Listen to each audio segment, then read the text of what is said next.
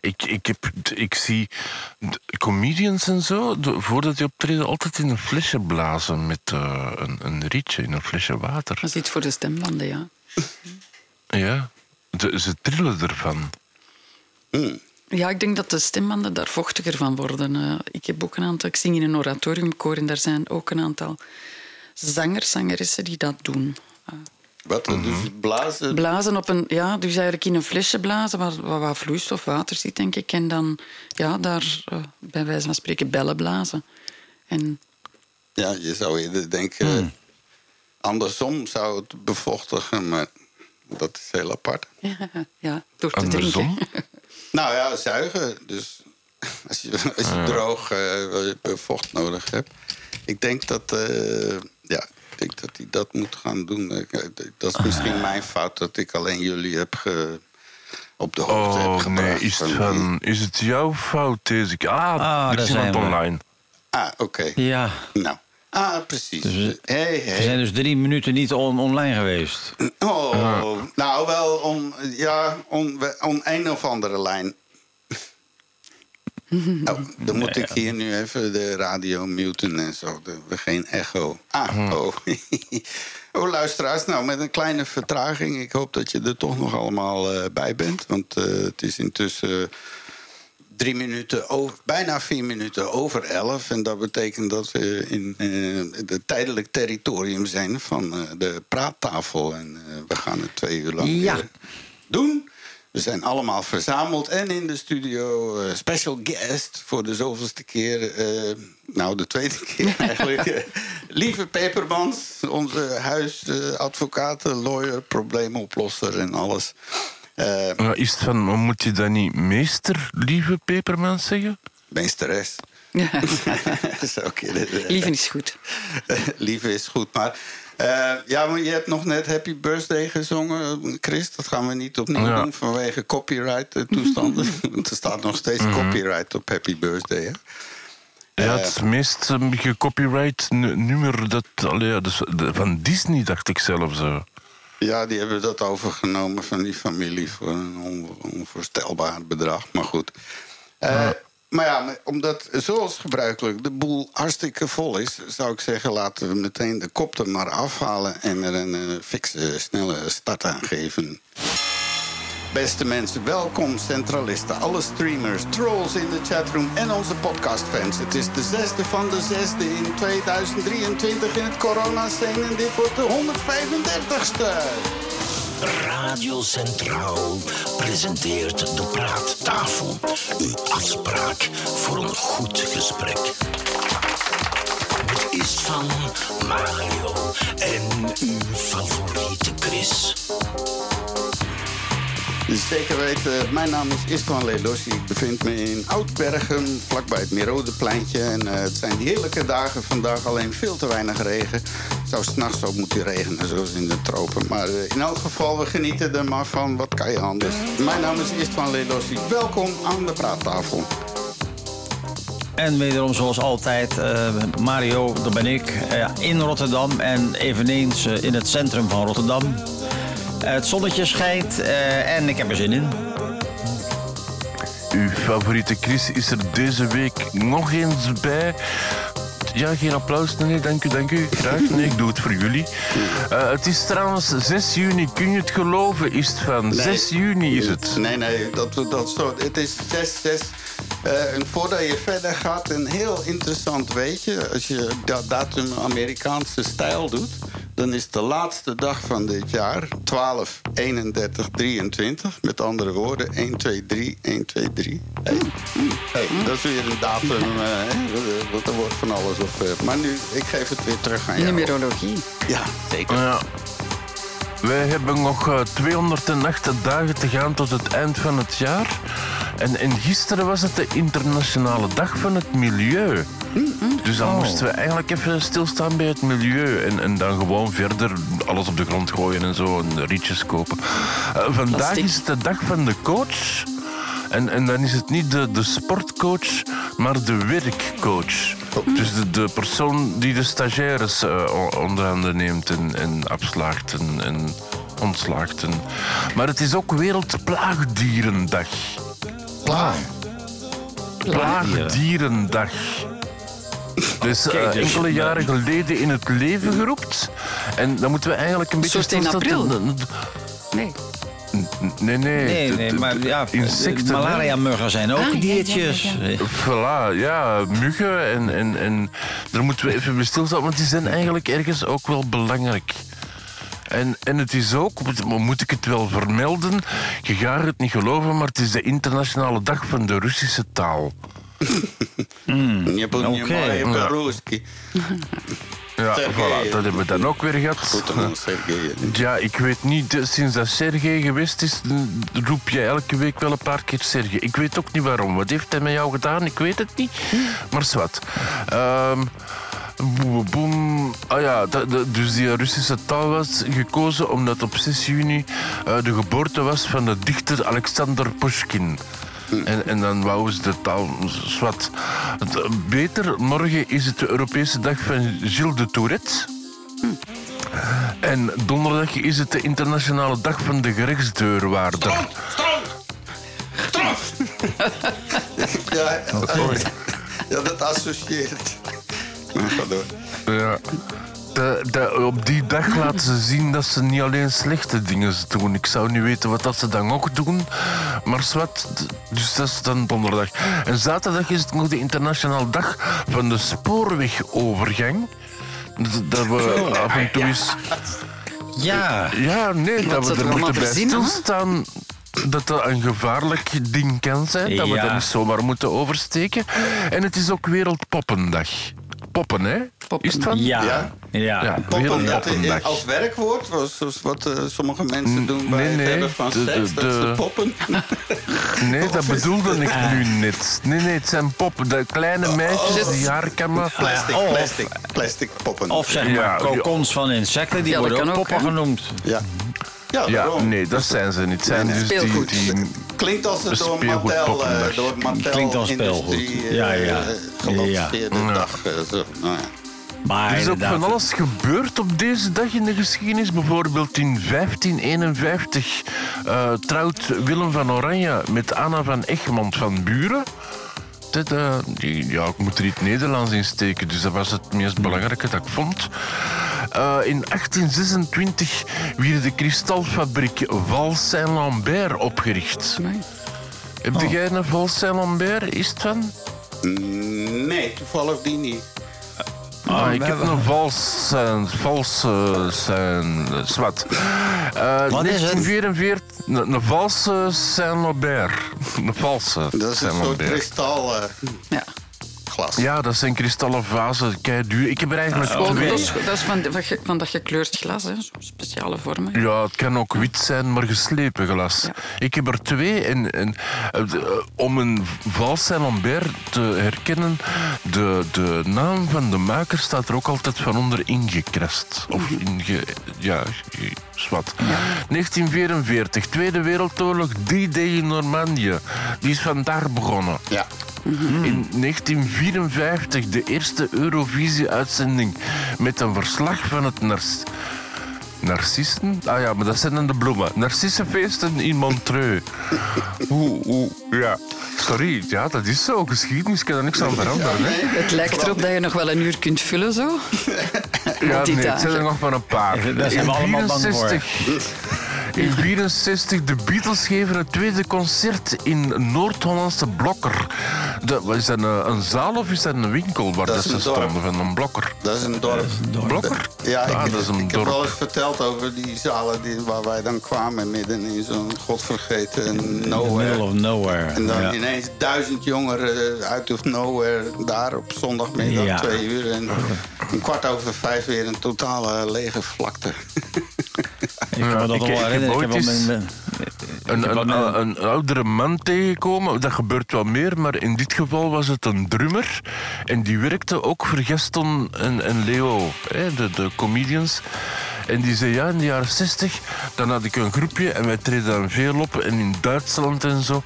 En, en er was ook een andere groep en die deden aan mijn tante en we hebben daarmee gevochten. Echt opgeslagen. en, en dan bleken ook de Beatles te zijn toen, maar die waren toen nog niet zo bekend.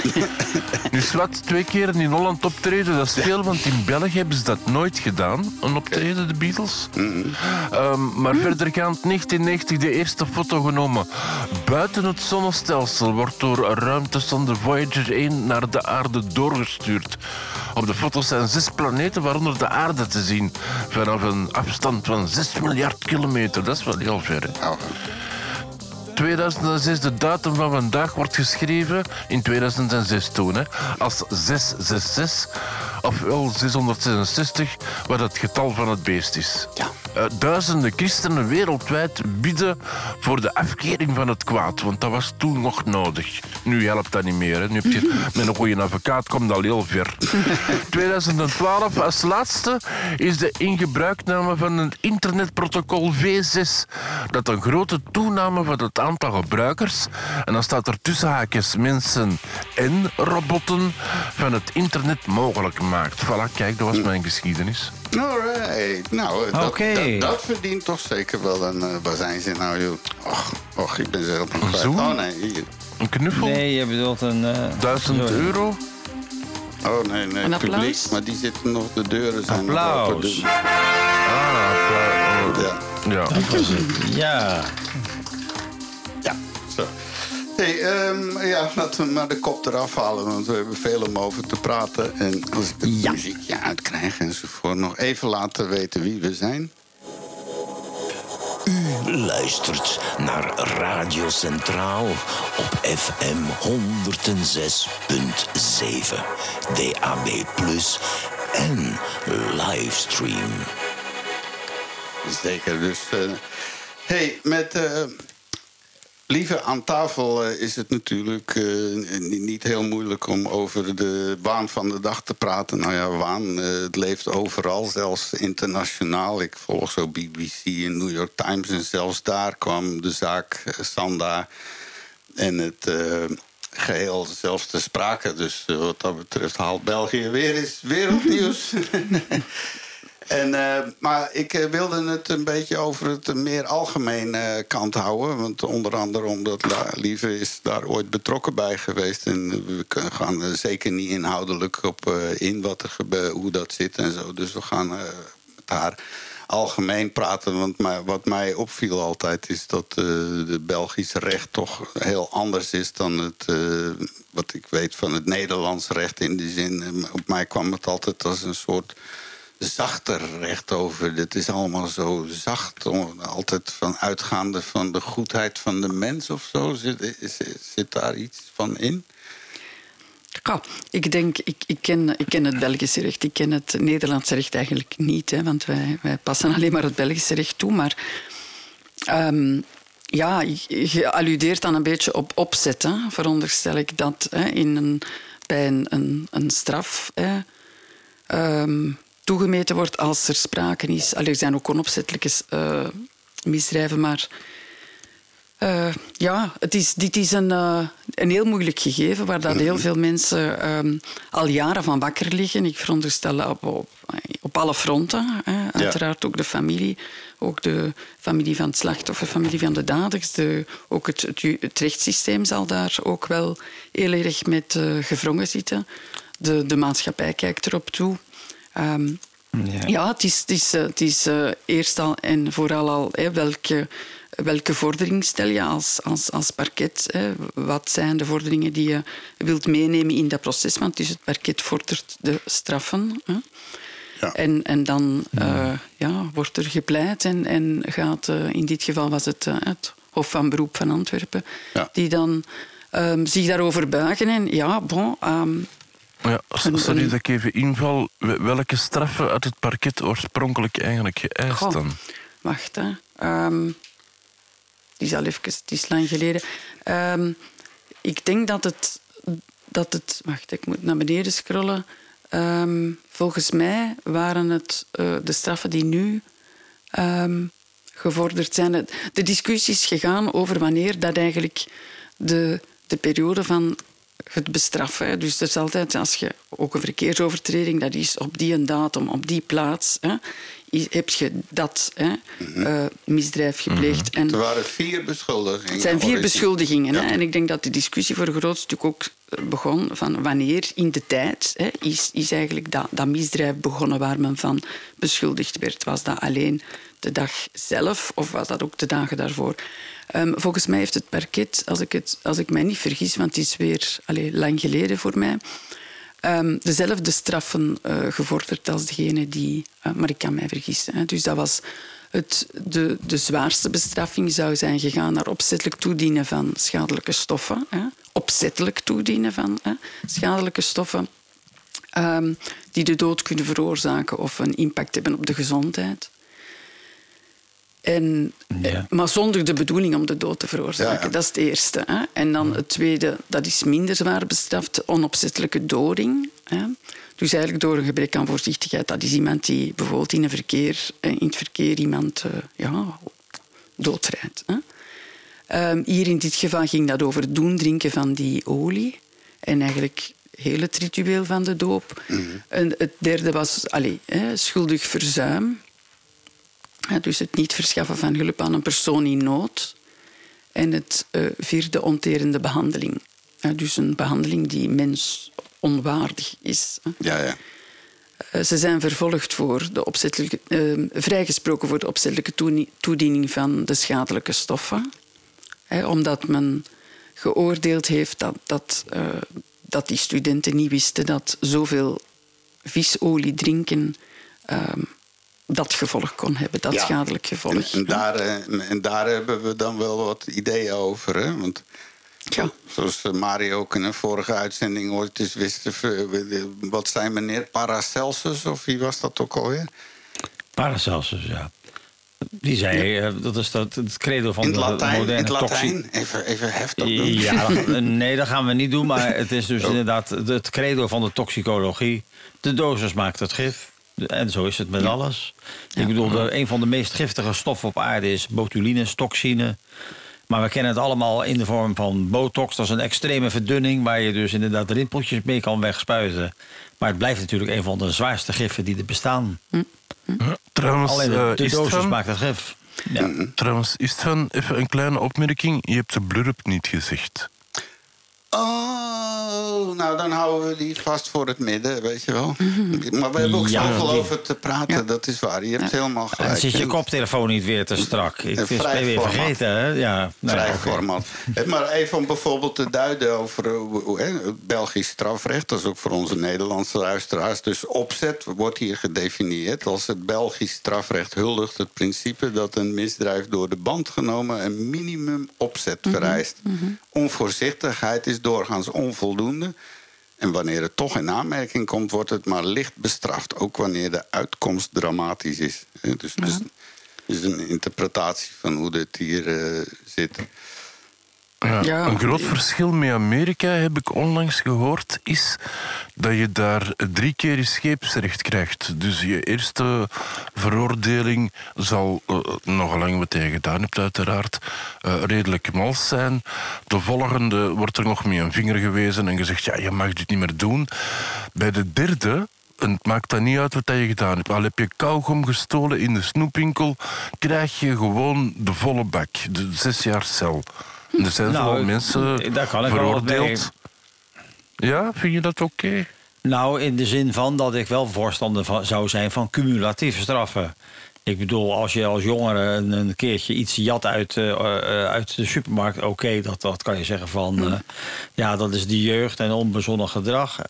En daar geef je dan een kleine taakstraf voor. En bij de tweede keer jatten, dan wordt het serieuzer. En, en zo moet je dus iedere keer stapelen. Want op een gegeven moment kan je er niet meer uitgaan van dat het een onbezonnen iets is, maar dan wordt het gewoon categorisch. Ja. Ja. Ja, nu, ik, ik denk dat wel bij ons bestaat, eigenlijk, er bestaat ook, als men gaat kijken, zijn dat mensen met een blanco strafblad, die, krijgen, die worden minder zwaar bestraft. Ehm, als, als jij voor een tweede keer, en denk dan aan verkeersovertredingen, een bepaalde hè, ehm, eh, overtreding hebt gedaan en je hebt dat bijvoorbeeld een straf met uitstel gehad, doe je dat nog een keer, hè, dan, dan wordt die straf met uitstel allee, binnen een bepaalde termijn eh, definitief. Men gaat ook wel kijken naar, is het een herhaling? Hè? En die herhaling wordt strenger bestraft, bestraft gegarandeerd. Ehm, we, hadden het, we hadden het hier over... Ja, dat, Ja. over, over het... eh, dat- Opzet dat- vooral, hè? Ja, ik vind, ik vind, Ja, eh, ik vind het wel heel, heel... Ik vind het wel heel gevaarlijk als we zeggen dat opzet niet meer van belang is. Dat elke onvoorzichtigheid inderdaad gewoon eh carrément leidt tot, tot eh, veroordelingen. Ehm, Mhm. Ja, je moet nog wel... Je moet nog wel... En vandaar ook dat geïnterneerden bijvoorbeeld... Allee, mensen geïnterneerd worden omdat ze dus dat, dat opzet niet hebben. Omdat zij ja, niet... Allee, ehm, onvoldoende... Ja, ziek zijn eigenlijk. Hè. Ehm, maar dus... ehm, ik vind dat opzet... ik vind dat belangrijk dat dat, dat, dat bestaat. Je, je moet wel weten wat dat je... eh, wa- wat dat je, Ja. je moet de bedoeling hebben om schade toe te brengen. Je moet de bedoeling hebben om te doden. Je Dat moet bewezen kunnen worden. Ja, ja. Dus dat, dat is. eh, maar eh, ja, en, en dan krijg je zo'n situatie van: gaat nu het recht het volk volgen? Dus gaan de wetten worden aangepast en zo? Want, eh, want recht is ook een levend, Mm. bewegend iets. Hè? Dat is niet van eh, dat we nog met stenen tafelen zitten hier. Dat, dat verandert continu. Maar in, in hoeverre moet het recht. Het, eh, hè, want het volk is aan het veranderen. Het is rechtser aan het worden. De voorspellingen zijn allemaal... Hoe, eh, ik moet even opletten voor het. Minder Het. Vlaams Belang. eh, en, eh, Ja. Samen met de NVA. Er wordt nu al gemorreld aan alles. En dus we zien de donkere wolken komen. Maar ja, in ho- hoeverre kan het recht stand houden, zeg maar? Maar ik denk één, allee, eerst al, hè, de wetten worden gemaakt door de wetgevende macht, hè, hè, door de politici. Dat, Dat is één. Hè. Dus we hebben die gekozen. Dat is, hè. Het tweede is ja, scheiding van de machten. Je hebt, je hebt, een, je hebt de, de rechters die hè, met die wetten Trias. recht spreken. En ik begrijp, en, en, eh, ik begrijp echt dat, dat, dat die... er is ook het v- eh, vrijheid van meningsuiting. Dus iedereen mag daar zijn zeg over hebben en zijn gedachten over hebben. Ehm, waar ik wel moeilijk eh, mee heb, is dat de politici dan eh, de rechtspraak gaan eh, bekritiseren. Dat vind ik geheel ongepast. Ja, die zoeken Vanuit hun gewoon het functie. moment van... Oh, ik Ja, kan dat is een moment de gloire Ik- waar dat ik ze ben zich op kunnen- journaal geweest. Ja, ik heb ja. 20 seconden op journaal gehaald. Die zien Ja. dat als Ja, een ja, is- overwinning. Dat is gewoon spel ja, dat dat is eigenlijk... spelen. Ja, dat is inderdaad Nou, een- vanuit een opportunisme... Allee, vermoed ik. Bon, ik heb daar ook geen oordelen over te vellen. Maar dat vind ik ongepast. Dat mensen, dat, dat mensen eh, hun, hun, hun ongenoegen uiten. Ja, ehm, Dat, dat begrijp ik. Dat begrijp ik. Het, Nou ja, wat, wat- ik heb het al eerder gezegd. Ik vind wel, kijk, we hebben natuurlijk de scheiding van de machten, de trias politica. Maar het is wel zo dat er ook een kwestie is, en dat is de eh, genoegdoening. En dat Ja. wordt steeds minder van belang. En dat, dat druist in tegen het rechtvaardigheidsgevoel van hele grote groepen mensen. Ja. En ik vind dat de rechtspraak daar toch wel enigszins rekening mee dient te houden. Maar ja, als, als Nu, dat langs de andere hè, kant, als ik even mag storen, je hebt ook Ja. heel die grote woke-toestand, waar iedereen direct op zijn tenen is getrapt omdat een andere iets zegt. Wat de- Zeker. de- ik bedoel, je kan niet met alles rekening houden in het recht. Je moet ergens wel zien dat je je, Nou, je tolerantie verdwijnen. stelt. Ja, ja en dat vind, ik wel, dat vind ik wel er- ernstig. Er is de, de, de, de groepen, hè, laten we zeggen, die gaan meer en meer uit elkaar. Er is weinig verbinding, er is weinig connectie. En ik begrijp wel de, de eh, roep van, van, de, van de mensen. Van, allee, kan dat? zo- Zo'n zo'n lichte straf. Als ik dat of dat voor heb, hè, iets anders, dan, dan heb ik ook zo'n straf. En, en, en er is dan niemand dood gegaan. Ik, ik begrijp die reactie. Ehm, ja, en dat is natuurlijk wel spijtig dat het, eh, dat, dat vonnis ook geen, hè, voor de familie, voor iedereen eigenlijk, geen antwoorden, toch weinig antwoorden heeft gegeven van wat is daar nu gebeurd. Er is dus, ja, er is een, je kunt zeggen, een omerta hè, over wat er net, eh, wat er allemaal gebeurd is. En ik, ik, ik, ik denk, allez, en ik, ik las nog een, een artikel van Guillaume van der Stichelen, die Ja. zegt van, hè, ja, eh, spreek het dan tenminste uit, hè, buiten de rechtbank hè, en, en, en naar, de, naar de familie toe, vertel aan de familie. Hè, ehm, Ja, want hij is zijn zoon ook heel tragisch eh, Ja. verloren. Hè? Dus Ja. eh, in 2011 een, een heel, ja, echt een stom ongeval. Die, die viel achterover van een hekje en eh, ja, brak zijn nek. Heel tragisch. En hij heeft hier dat verhaal ook verteld in een andere podcast waar ik mee bezig ben. En ja, die, die is daar heel erg mee bezig. Maar ook met het hele proces achteraf. Want ja, dat blijft de rest van je leven bij je. Dus en in die brief vraagt hij dan ook eigenlijk aan die jongens van... oké, als alle pers dadelijk, als alles weg is, weg is... eh zie dat je een band met die mensen onderhoudt. Van, anders dan maak je hun leven een hel. Want Ja. als je het niet weet hoe het gebeurd is, dan ga je fantaseren. Daar heb ik Ja. ook last van. Ja. Als ik niet weet wat er gebeurd is, dan, dan ga je dingen bedenken. En natuurlijk, hier is veel ruimte om te fantaseren. Hè, want, eh, als we het verhaal kennen, dus je kunt van alles bedenken van waarom, Eh, waarom Waarom? heeft me gezorgd dat, dat, er, hè, dat, dat er communicatie verdwenen is en zo. Wat, wat, wat, wat was de communicatie dan? Wat is er? En, en, en hoe kunnen hè, slimme jongens toch, toch ehm, ja, zo lang niet omkijken naar iemand die in, in, in, in, eh, in, in, in december in de kou... Allee, dat is... Dat is Maar ja, het is ook al Maar honderden, bon. honderden keren goed gegaan. Hè? Dus erger, Ja. erger, dit Ja, ja. is dan is het, want ze deden dat al jaren, jaren. En dat is, dat is zo typisch die hazing. En dat hebben. In Amerika is er ook een hoop. En in Engeland over te doen. Dat is allemaal nu aan het veranderen en afschaffen. Want dat kan ineens niet meer. Ja. Hè? Ja. het moet Ja, allemaal eh, op die manier. Het heeft veel, eh, veel in beweging gezet eh, naar, naar dooprituelen toe. En wat wel en wat niet kan. En, en, Mhm. En terecht ook, vind ja, ik. en ook eh, massagroep. Alleen de, de massadruk en, en allee, druk van de massa op. Hè? Ja, het werd altijd gezien als sowieso rare, eh, aparte mensen. Zo'n beetje geïsoleerd van de samenleving. Maar ik heb ook heel veel studentenfeesten gedaan. En dan van die elitescholen. dat, het, een, een, een, biertent in de Achterhoek na een concert van Normaal zag er netjes uit... vergeleken bij de afloop van zo'n studentenfeest. Ja, en heb dat waren allemaal die mannen in een frak, weet je wel. Allemaal met eh frak en de dames in avondjurk. En dan binnen een uur was Dus doorgezopen zootje, ja. Ja, ja, ja, zeker weten. Hey, eh, ja, maar eh, jij bent ook een. eh, vanuit je beroep moet je natuurlijk heel veel eh, spreken. En nu zie je de opkomst van eh, zo ChatGPT en zo. En eh, met taalmodellen die kunnen enorm zeer lange, zeer kort. Dus een betoog zie jij jezelf. Eh, leren hoe je zo'n ding een beetje moet geven wat hij moet. En dat hij dan het hele betoog voor je. En dan een beetje, want dat scheelt je gewoon weer eh, twee uur werk of zo, fysiek. eh. Dus, Ja, dat, dat zou ik nu toch dat zou ik niet, niet, niet durven.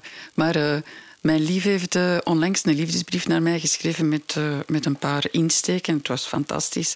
En dan, was de, de, dan, dan hebben we geprobeerd om daar een antwoord op te formuleren, maar dat gaat niet. Je Ah, nee. kunt dus op iets dat gecreëerd is met ChatGTP, kunt je geen, niet, niet zeggen, oké, dank u wel. Ik, allee, hè? nee, nee. Dat, eh, nee, ehm, Maar zo. naar, naar mijn werk toe. ehm, want de ja, collega's. ik heb ooit eh, ergens gelezen dat er, dat er iemand zichzelf verdedigd heeft. eh, ehm, met een, allee, was het dan voor een politierechtbank of zo?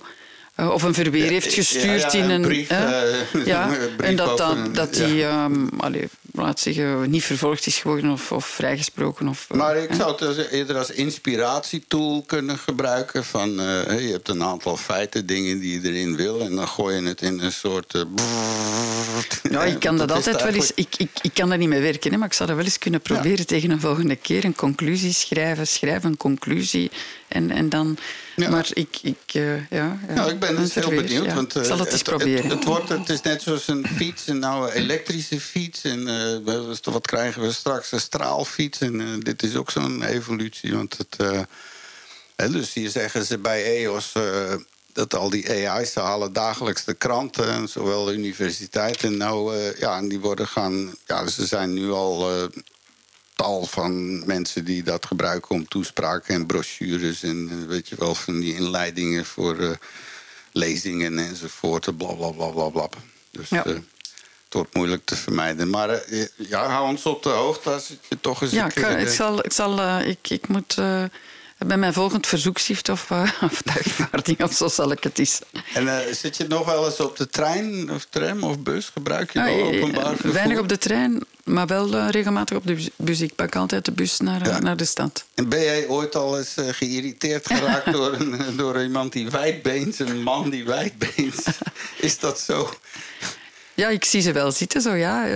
met zoveel ruimte innemend, benen wijd open, dat, dat, je, er, dat je daar met uh, gekruiste benen naast moet zitten. Uh, ja, ja, ja. en dat leidt tot irritatie, blijkbaar. Ja, maar ik vind dat is een beetje oerinstinct. Wij mannen, vroeger waren wij ridders en moesten wij ter paard uh, onze tegenstander aanvallen. Ja, ja, en dat zit er nog een beetje in, volgens mij. Oké. Okay.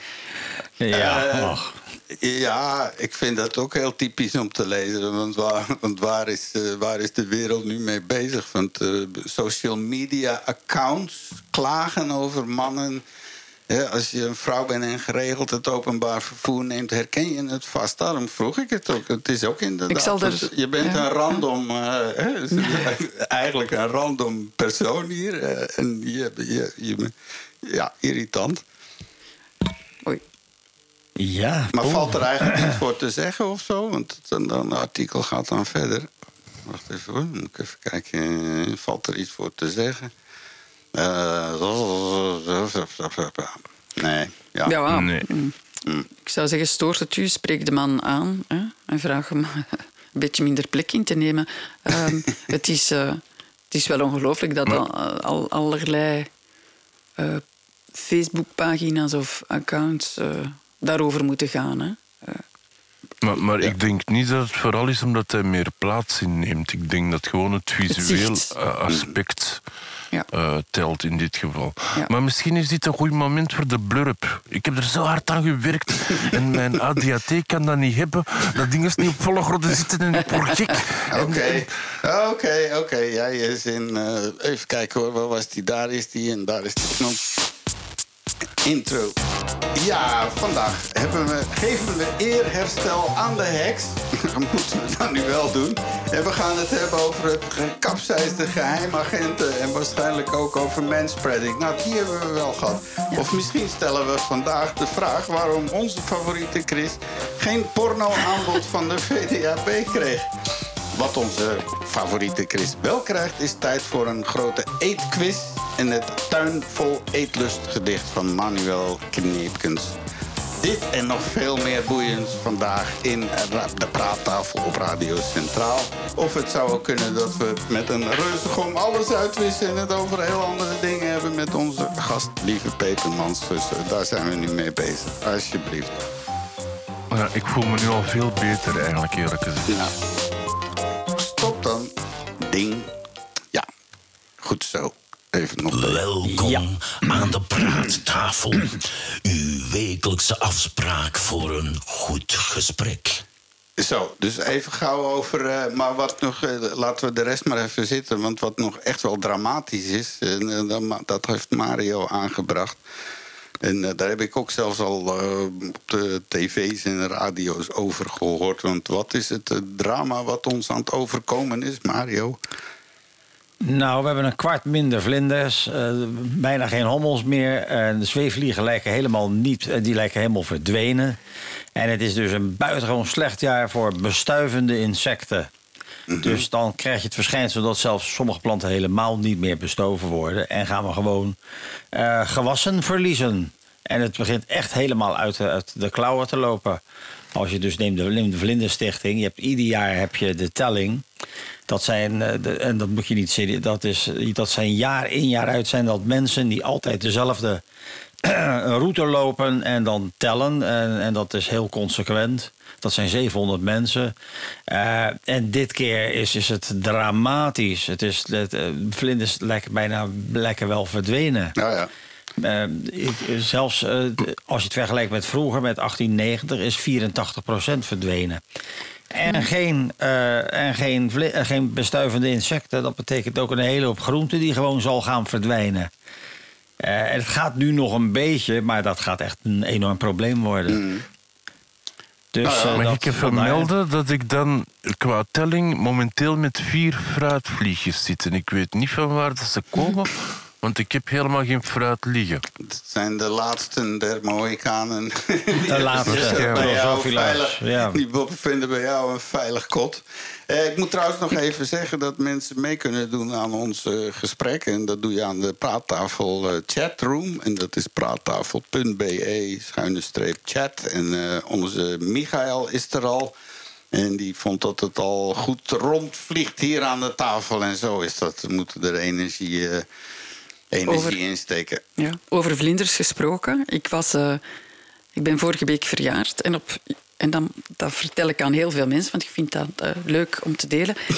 Op je verjaardag mag je met de A-kaart als inwoner van Antwerpen een dag gratis naar de zoo.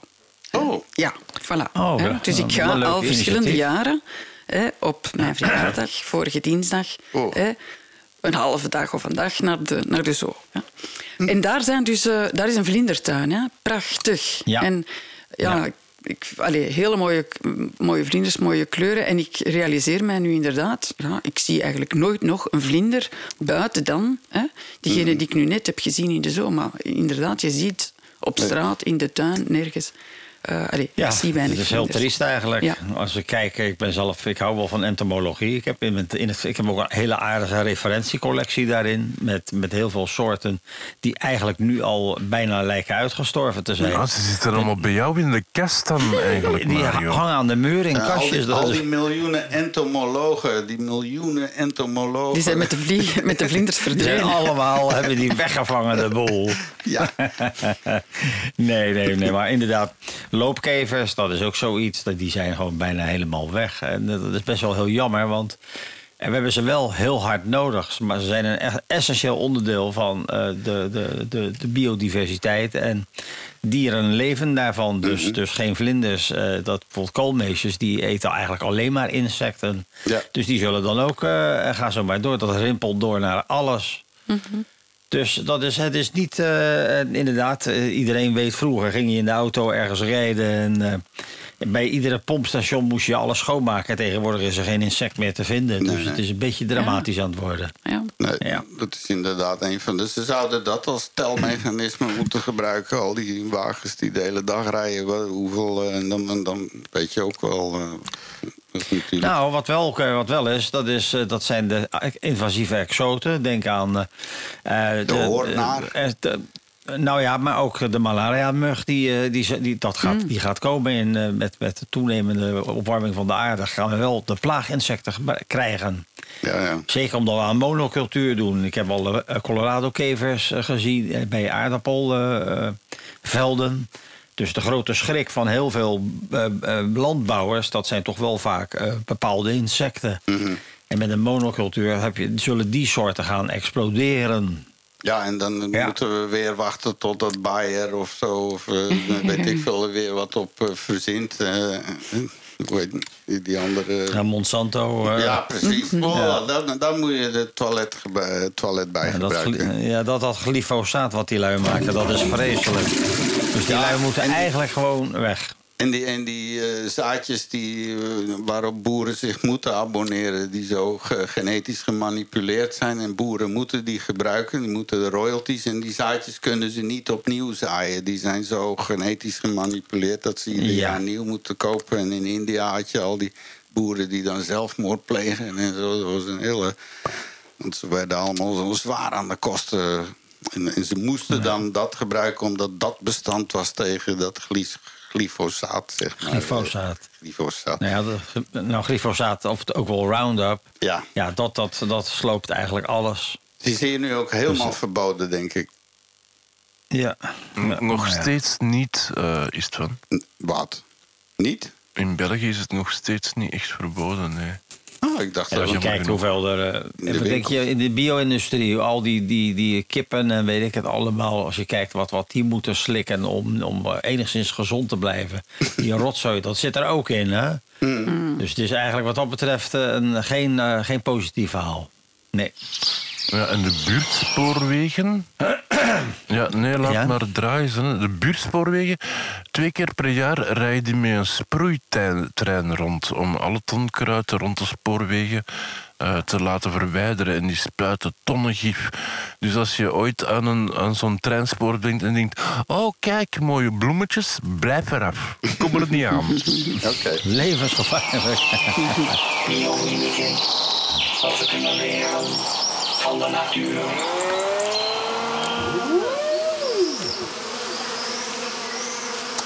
Yes, Mario neemt ons weer mee.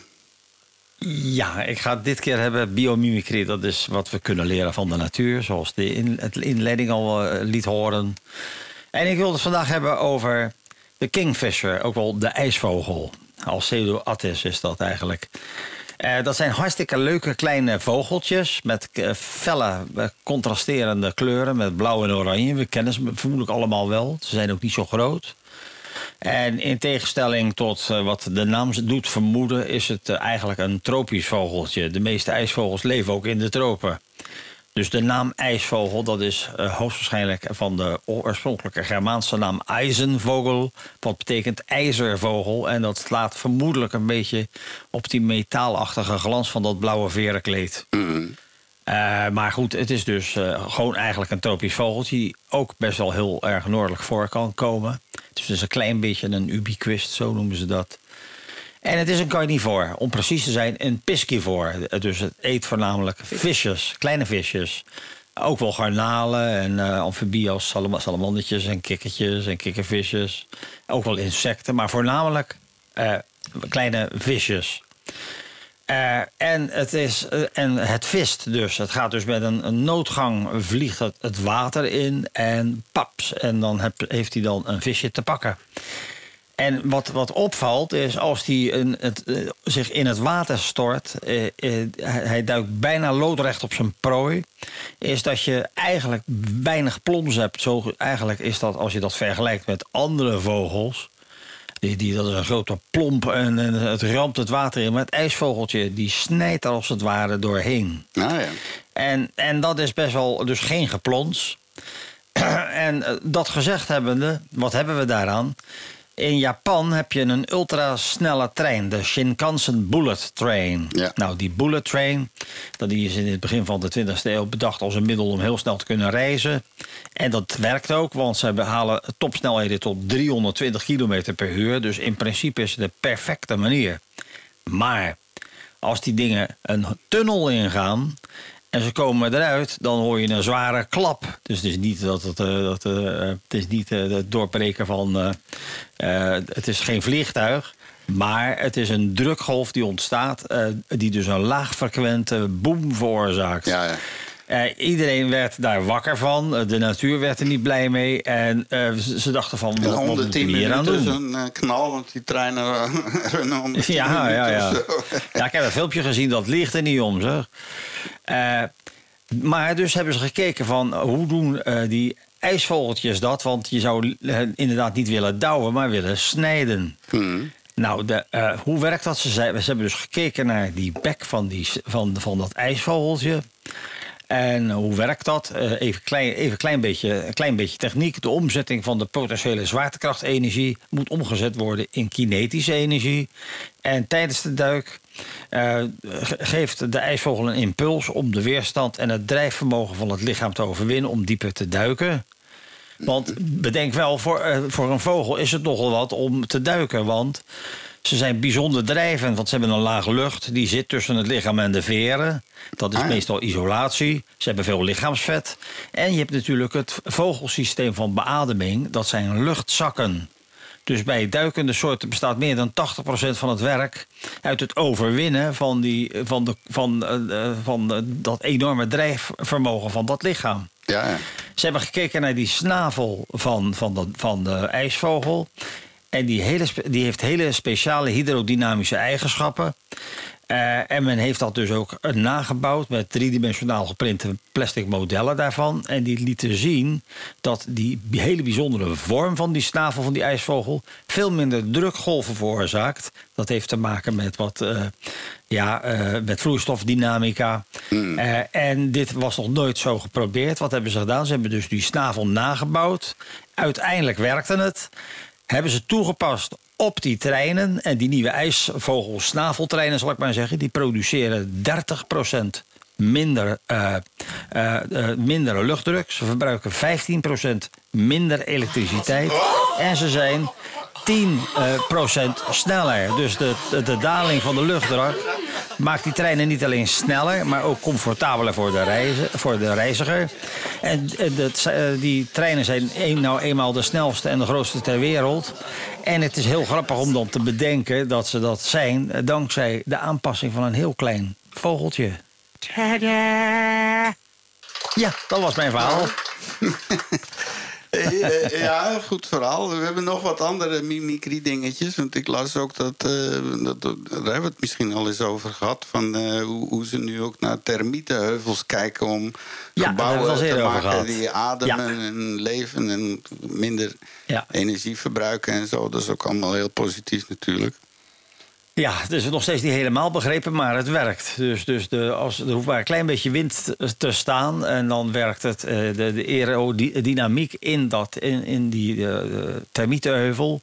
die kunnen trouwens enorm zijn. Ik heb ze zelfs in Afrika gezien, in Nigeria. Die, zijn, die kunnen eh, acht meter hoog worden of zo. Het zijn echt de grootste daar. Ja, als je in Azië zijn het van de, die, die komen misschien op 1 meter, 1 meter 20 of zo, zo'n bol. Maar in, in, in Nigeria althans, dat, worden ze meters hoog, die toren echt omhoog. Eh, en het grappige is, ze, ze, ze hebben er veel onderzoek naar gedaan en hoe doen ze dat? Eh, ook als je dus, ze, wat, keer- ze maken er een gat in en ze blijven er net zo lang gips in pompen totdat zeg maar, dat hele nest voorzien is van gips. Ze laten het uitharden, harden. Vervolgens graven ze het uit en ze spoelen de aarde weg. En je hebt dus een, eh, een mal van, een, eh, van zo'n nest. Ja, en ja. dat, en dat, dat hebben ze weer gebruikt om het na te bouwen. En het blijkt inderdaad met. met eh, de, ja, dan kom je in de wereld van, van de aerodynamica en de vloeistofdynamica. En dat laat dus zien dat het inderdaad een ongelooflijk mooi systeem is om eh, dingen te beluchten zonder. eh, dus passief. Het is een passieve airco, zou je kunnen zeggen. Nou ja. Ja. Dus, ja, oké, er wordt dan hard aan gewerkt. En dat zijn de positiviteiten die we dus van... eh, Hele ja. positieve dingen zijn dat. Ja, en nu wat negatief.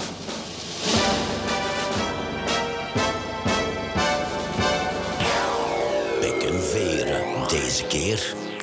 En eh, Chris, toen jij bij de VDAB eh, werk, eh, wat vroegen ze aan jou? Nee, de- Of ze hebben mij ooit eens ze gezegd... Ja, het is dat. Maar ze hebben mij ooit eens gevraagd... Ah ja, ehm, je, je, we hebben werk voor jou gevonden, Chris, ehm, in een garage. En ik zeg, hoe bedoel je in een garage? Ja, auto's herstellen en zo. Ik zeg, maar ik, ik kan niks van, van auto's. Ah, want in uw cv stond monteren. Ik zeg, ja, maar dat is video. Ik ben een videomonteur, geen automonteur. Maar wat, er is een vrouw en ze vroeg haar... En het, het was in Duitsland, dacht ik, of... Een werkzoekende. Een Brusselse. Een Brusselse. Een Brusselse. Ah, in Brussel? Ja, ja, ja, ja. Oh, dan ben ik zeker kwaad. Eh? Want ze zei, ja, hebt u, hebt u, we hebben werk voor u gevonden. Wilt u niet meespelen in een pornofilm? Ja. dat hebben ze mij nog nooit gevraagd. Ik zou erop ingaan, uiteraard. Zeker als het betaalt. Want vooral voor mannen is het zo, ja, uw, eh, uiterlijk is niet belangrijk. Dat komt toch niet in beeld. Er is maar één stukje dat we gebruiken. Dus, dus voor mij, het va. Maar die vrouw was er niet zo blij bij. En, en als ze daar dan op Facebook op klaagt, dan vind ik dat ze meer gelijk heeft dan al die andere accounts die het hebben over manspreading. Maar zwart, deze, deze is er misschien wel iets over. Eh, eh, of wat denk jij, eh, lieve? Ja, ja ehm, ik, kan, ik, ik veronderstel dat Emilie van 24 andere plannen had en, en een andere carrière ziet. Ik begrijp dat jij dat wel zou zien zitten. maar ja. klaarblijkelijk Ja, we kan het dus ook in... elkaar? Ja, in Vlaanderen kan het ook. Hè, dat, dat, dus dat behoort tot, eh, tot een van, van de beroepen, een acteur. Ja, acteur in een eh, pornofilm. En dus Maar dat is als ik het goed- artikel goed gelezen heb, dan Ja, ja. kan je die vraag eh, in Vlaanderen bij de VDAB ook krijgen. Niet alleen in Wallonië of in Brussel. Maar, Maar dat nu- is toch eigenlijk de waardigheid eh, ehm, aantasten van een persoon ja, in deze geval. Dus als baas Nou, mag je niet zeggen, amai, je ziet er mooi uit in, in je kort. Ja, Ja, maar laten we Nee, niet allemaal nee, tegelijk een- praten, want ik was nog niet gedaan. Ja. Ja, dank u. Dus, dus als je als baas zegt, man, je ziet er mooi uit in een kort rokje, kan je al een rechtszaak krijgen. En- Maar deze zou dus wel kunnen. Ja, maar ze- zij wordt ook niet verplicht om daarop in te gaan. Hè. Dus het is een eigenaardige Ja. vraag, het is een eigenaardige eh, job misschien. Want er is voor Emily van 24. Hè. Ja. Maar ehm, ja, ik kan begrijpen dat ze dat heel ongepast vindt, maar tegelijkertijd, ja, er is niemand die zegt dat ze dat moet gaan doen. Hè. Mhm. Jawel, hè. maar ja, kijk, De- van de VDAB... Ja, als zij die Als job weigert, maar daar, dan, daar wil ik wel eens over procederen. Hè? Dat ze Voilà, haar eh, werkloosheidsuitkering zou verliezen. Nee, nee, dat, dat, dat, dat, dat, dat kan ik mij niet inbeelden dat ze Nee, dat maar als wa- wat motief... je wel, maar wat je wel ziet is dat, dat men probeert de, de sekswerken te, te normaliseren. Ah, ja. Zeker als het gaat over de meiden, dames moet ik zeggen. Die proberen een, eh, die een, eigenlijk een bedrijfje hebben in de vorm van sekswerken en nergens een bankrekening kunnen openen. Dus er is behoefte klaarblijkelijk Ja. aan een, eh, een, een juridische status. Eh, en in dat licht bezien is het geen rare vraag. Alleen het druist in tegen de fatsoensnormen. Ja. Dus, Ja. en dat, is dus, dat is dus de crux. Maar Want de- het is verder gewoon een vak. Ja, maar voilà. is prostitutie is ook... Allee, Ja, een- maar er is nu ook een soort eh, een nieuwe soort porno, de goede porno. Want zelfs in Cannes, eh, sommige films, dat zijn gewoon films, kortfilms, speelfilms, een beetje art nouveau, maar wel, wel met eh, eh, vrij expliciete, of, expliciete, of ja. zeer expliciete seks en zo. En dat is dan porna, porno. Dus daar begint ook zo'n grijze zone te ontstaan van... ja, sommige porno is eh, wel eh, literair verantwoord of zo, weet ik veel, hè. Ja, nu, ja, seksualiteit is wel iets van het leven. Hè? Dus eh, Ja. ik... ik eh, Ja. Maar het komt nu in, eh, je kan eens naar de bioscoop met je vrienden om een film te zien met, waarin, al, waarin alles gebeurt. Ja, maar wat, ja, eh, ja, en dan Ja. gewoon achteraf een biertje drinken en eh, niks aan de hand. Dus ja, Maar in theater is er ook veel naakt. Hè? Eh, dus eh, Ja. ja. ja, dat is inderdaad. Ik een veronderstel dat ballet- ballet ook niet naakt wil gaan dansen, maar... Ja, eh, ballet met blote boobies en zo allemaal. Dat is dan ook maar. Maar, maar in deze woke-maatschappij dat dat gevraagd wordt door de VDAB, ik kan het nog altijd niet snappen, eerlijk Nee, nee. gezegd. Ja, ja, ja. Nee. Maar ik moet nog even een oproep doen, want eh, in de chatroom gaan we dadelijk genieten van de quiz. Want we moeten ook langzaam afscheid nemen van eh Want Oei. ja, vanwege een druk bestaan en eh, overbezette agenda. En eh, meteen de helikopter staat hier klaar en ze wordt meteen doorgevlogen naar het Hooggerechtshof. Dus, eh, maar in ieder geval hartstikke blij dat ze hier aan tafel was. En wellicht weer voor de volgende keer. Dat we dan misschien een beetje voorbereiden met wat meer vragen uit het volk en het publiek enzovoort. ja.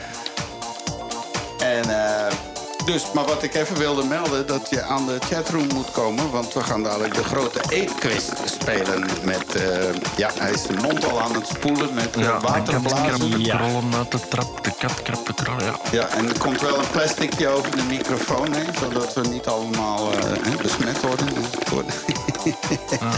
Eh, dus dadelijk de quiz over een minuut of vijf. En daarna nog andere boeiende onderwerpen. En dan nog eh, intussen moet ik even melden waar je ons kan vinden. Dat is op Facebook natuurlijk, eh, zoals alles en iedereen. Eh, leven we op Facebook, dat is gewoon de praattafel. En je kan ons googlen, dan kom je op de website... en daar vind je alle vorige 133 afleveringen van ons.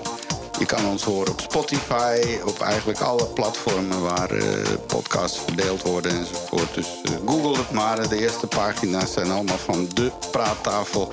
Dat is je wekelijkse brokje Neder-Vlaamse blik op de actualiteit. Gewoon kijken van beide Ja, en kanten. wat, wat de quiz betreft, eh, beste Istvan, kan ik al een voorbeeldje geven van een vraag die ik niet ga gebruiken. Oké, heel benieuwd. Ja. Hoe, hoe, met welke kaas lok je een beer? Met welke kaas? Met welke kaas lok je een beer? Eh, eh, nou, ik hou het op tenenkaas. Ik zou het niet Het is- weten. Camembert. Oh, Camembert. Camembert. Oh, ja, ja, Oh, ja. eh, maar- Semantiek, dat is ja. Tinkaas. Tinkaas. Dat is wel met een T van achteraan. Camembert. Maar zwart, dat is dus een vraag die ik niet ga gebruiken. Nee, oké, maar dan weten we Ja, in dat oké. territorium even wel pas Wikipedia klaarzetten en zo. En eh, Ja. een Google Ja, en Eda Momart zegt altijd... als je morgen ontbijt op bed wilt, slaap dan in de keuken. Dat is ook wel leuk, ja. Alright, mensen. Dus eh, nog een paar minuutjes voor de quiz. Eh, ik weet niet, eh, nog een laatste groet aan het volk van Lieve? Of, eh, maar spelen er nu nog wat belangrijke dingen waar je mee bezig bent? Of, eh, Ik denk dat elke rechtszaak wel belangrijk is dus, voor iemand. Daar spijtig genoeg eh, ja, ja. niet, eh, ja, niks Nee. over vertellen. Nee, nee, nee. Nee, dat is ook helemaal Ehm, niet boeiend. Dat wil ik niet. Dus, ehm, hey, hartstikke bedankt voor het langskomen. En ik denk dat we dan eh, nog maar even heel kort eh, grondstoffen uit zee. We hebben nog drie minuten over. De heks. voor- Ah, de heks. Ja, de heks. Oké, Ja. mooi dat, dat dat zegt dan. eh, hè, dus wat is dat heel kort?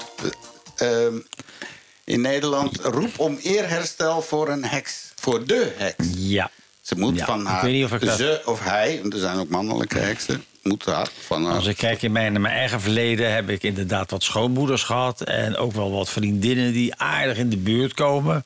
Dus ik weet niet eh, wat we er hiermee aan moeten, moet ik zeggen. Die, die, die schoonmoedergrap komt wel erg vaak voor. Misschien moet je toch eens met iemand eh, gaan praten. Ben je in je jeugd heb je getraumatiseerd Ik of denk zo? het, Iets ik wat je denk het. verdrongen hebt of zo?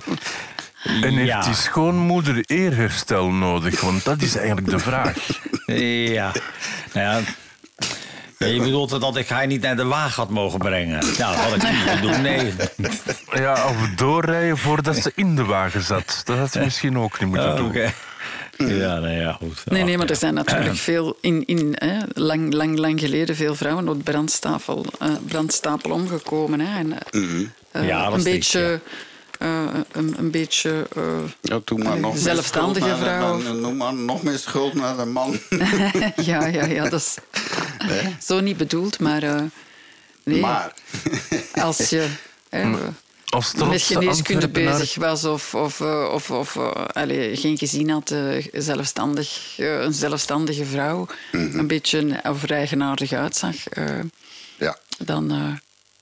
van de NOS. Eh, overal in het land worden vandaag, dat was zaterdag, eh, witte bloemen gelegd op plekken waar ooit heksen tussen aanhalingstekens verbrand zijn. De actiedag komt van vrouwen, moderne heksen, die pleiten voor een nationaal heksenmonument. En dan komt er een verdachte regel. Bij de heksenwagen in Oudewater zijn ze daar helemaal voor. Dit klinkt net zoals een- zo'n brokje nieuws als je van het Anne Frankhuis. Die hebben ook regelmatig dat ze weer, die verzinnen altijd maar wat weer om in het, dit is volgens mij een eh, hoax een beetje eh, gefinancierd en opgestart vanuit het Nationaal Heksenmuseum en de Heksenwagen in Oudewater, Ja, ja, waar ik als kind honderd keer naartoe heb moeten fietsen. Ah ja. Ja, vanuit Woerden, als er dan kennissen waren of dingen. En dan, eh, nou, we gaan naar Oudewater, Oudewater. ja, en daar is denk ik wel Maar een paar jaar geleden hebben ze dat hier in Vlaanderen ook gedaan. In, in Mechelen vooral was er een heks, waar dat ik even de naam van kwijt ben. Ik had er een radioprogramma eh, toestand eh, gemaakt. En, en een week later, maar het lag niet aan mijn radioprogramma, werd die daar ook eh, verschoond of verschuldigd of whatever. In ieder geval mag ik als trotse Antwerpen zeggen dat in Antwerpen nooit een heks is vervolgd. De Antwerpen waren breeddenkend en waren daartegen. Dus, dus dat is dan toch als Antwerpenaar iets om trots op te zijn. Want hier is dat niet gebeurd. Oké, Ja, die werden ze gewoon aan de schandpaal genageld of zo. Of Opgesloten en de sleutel weggegooid. Nee, nee, Ja. ze werden niet gedood. Oh, niet gedood. Ja, oké. Nou, dan, eh, dan, eh, ja, oké. Ja, dan begrijp ik ineens. eh, ja, wauw, nu wordt er ineens. Want die dingen hebben gevolgen. hè. Alles heeft een gevolg, een oorzaak en gevolg in het Everything. universum. Yes. Het is zelfs 12 uur momenteel. Zeker weten. Radio Centraal.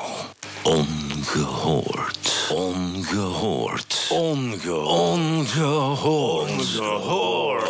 Ongehoord. Ongehoord. Radio Centraal. Ongehoord.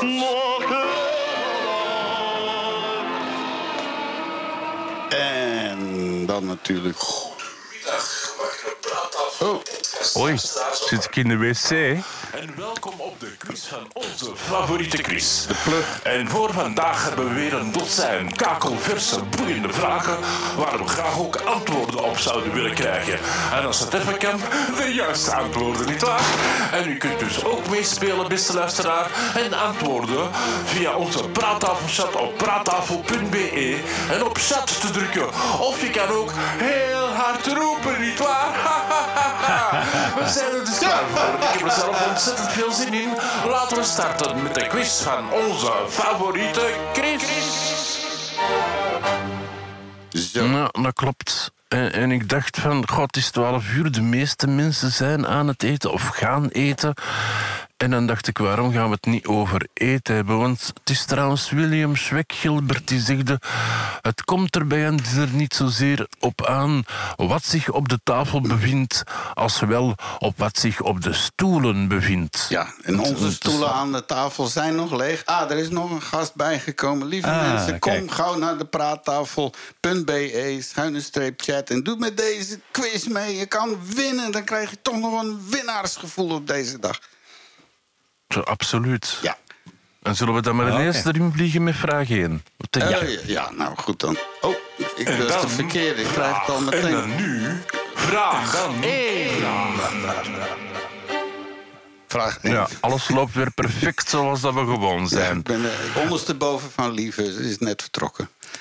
Een leegte. Oh. Ze laat een leegte achter. Ja, Nou, ik zal je straks in het werkhuis een knuffel geven daarvoor. Is het goed? ja fijn, fijn, Chris. Oké, ja.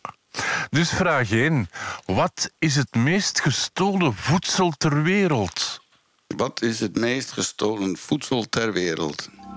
Ah, ja. Ja.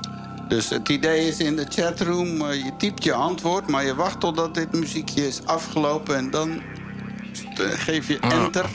en dan stuur En je Michael- allemaal tegelijk. En, Ja, ik, ik wil Michael even smakelijk eten toewensen. En blijkbaar eet hij aardappelpuree met eieren erdoor geplet. Dat is iets wat mijn bomma vroeger maakte. Dat is zo aardappelpuree met spinazie en dan zo een spiegeleitje oh, dat is heerlijk, ja. Lekker. Ja. Even kijken. Ehm, eens kijken. Mario zegt rijst. eh Istvan zegt suiker. Michael zegt brood of kaas. Wel, Michael, je hebt eigenlijk half gelijk. Het is kaas. Oké. Nee. Alright. Meer is er niet. Ja. En dan vraag 2. Er wordt niet alleen gestolen, maar ook gefraudeerd. En, en welke voeding wordt het meest gefraudeerd? Ik, ik heb een lijstje van tien, maar, maar ik wil de nummer één weten. Oké. ehm, Fraud. Fraud. En gefraudeerd, dat kan zijn dus andere producten dan dat er op de etiketten staat. ja, ja. Of van een ander land, of, of ja, die dingen, hè.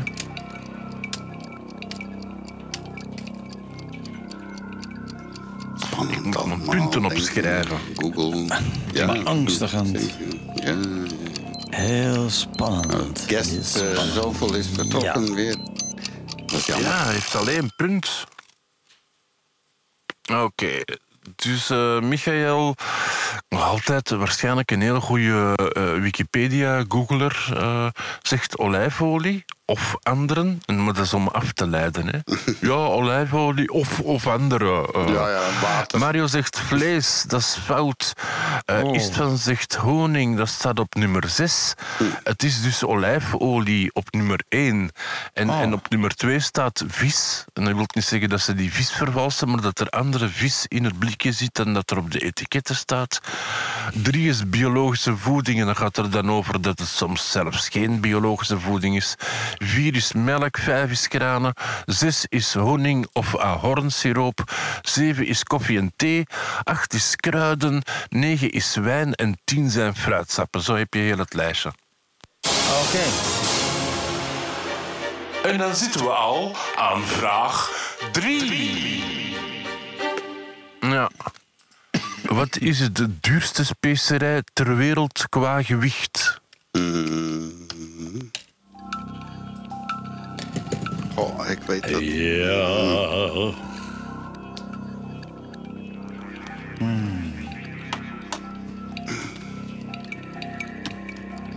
Me- me- me- me- me- me- me- Ik weet de naam niet. Ik zie het voor me staan, maar ik weet gewoon de naam niet. Ja, een hele pop. Ja? maar Ik weet, er- ik weet wel een het dan. eigenschap ervan.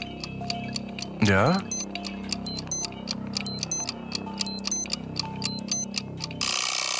Ja, Ah, precies, dat bedoelde ik. Rode kruid, eh safraan. rode ja. kruid, Ja, dat maakt alles Safraan rood. bedoel je? Ja. alles geel. Ja, rood, gelig, naar gelang alles hoeveel geel. dat je gebruikt. Jullie hebben allemaal een punt. Oké. Rode kruid. Safraan komt van een bloem. vraag 4. Van de anje. Vraag 4. Welk Mexicaans eten, heeft een naam die kleine ezel betekent? Ehm,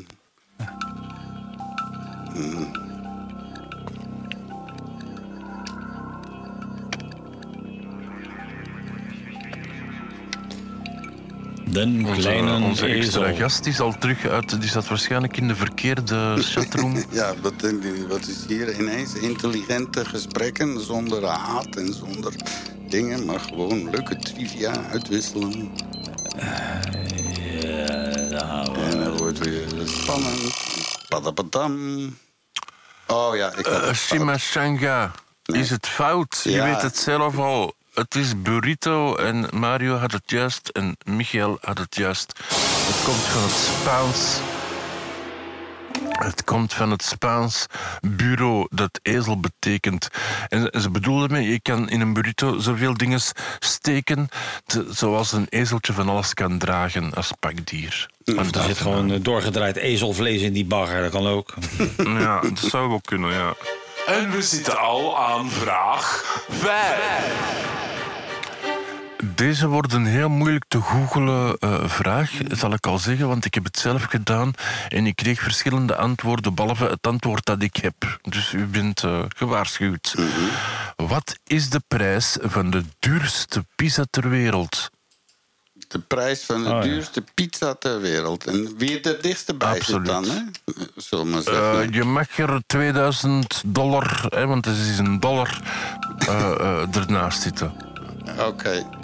Nou, Oh ja, wacht. even. Oh, welkom aan Minja, die is ook aanwezig. Dat is een van onze grootste fans. ja. Ik dacht dat ze in Duitsland woonde. Ja. Aangenaam, welkom aan tafel. Mijn uurwerk zegt dat ik moet bewegen, dus ik ga even bewegen. Ja. En Oh, dan voorzichtig. kan je nu het antwoord sturen.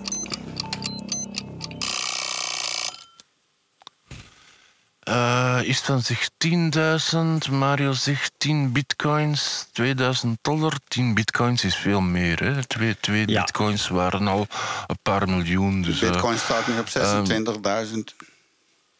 eh, Michael, 3000 dollar. Dat zijn twee bitcoins. Dat zou nu zijn, maar toen dat die betaald waren, waren die nog niet zo duur. eh Minja. Dus, dus de, de- ehm, het dichtste bij zit Istvan, want het is 12.000 dollar. En voor die prijs eh, noemt de pizza noemt trouwens Louise de achtste. eh, is de wereldduurste pizza. Het is geschikt voor twee personen, dus je kan hem eigenlijk eh, met. er zit goud drie. Nee, er zitten liefst drie soorten caviar, garnalen eh, van de kust van Salermo en kreeft. En het zout dat gebruikt wordt is een speciale vermelding, want het is Australisch pinkzout in de Murray River. En het schijnt heel bijzonder te zijn. En wat er ook bijzonder is, je kan hem alleen in, in Italië eten, want de kok komt hem thuis bij je klaarmaken. Oké. Ik weet wel, je hebt eetbaar goud. Hè? Als je op vergulden zoekt, Ja, dan zie je dat je gewoon eetbaar goud kan kopen. Ja, ja, biefstukken in, eh, die bekleed zijn met goud en zo. En, eh, dat allemaal- Hamburgers.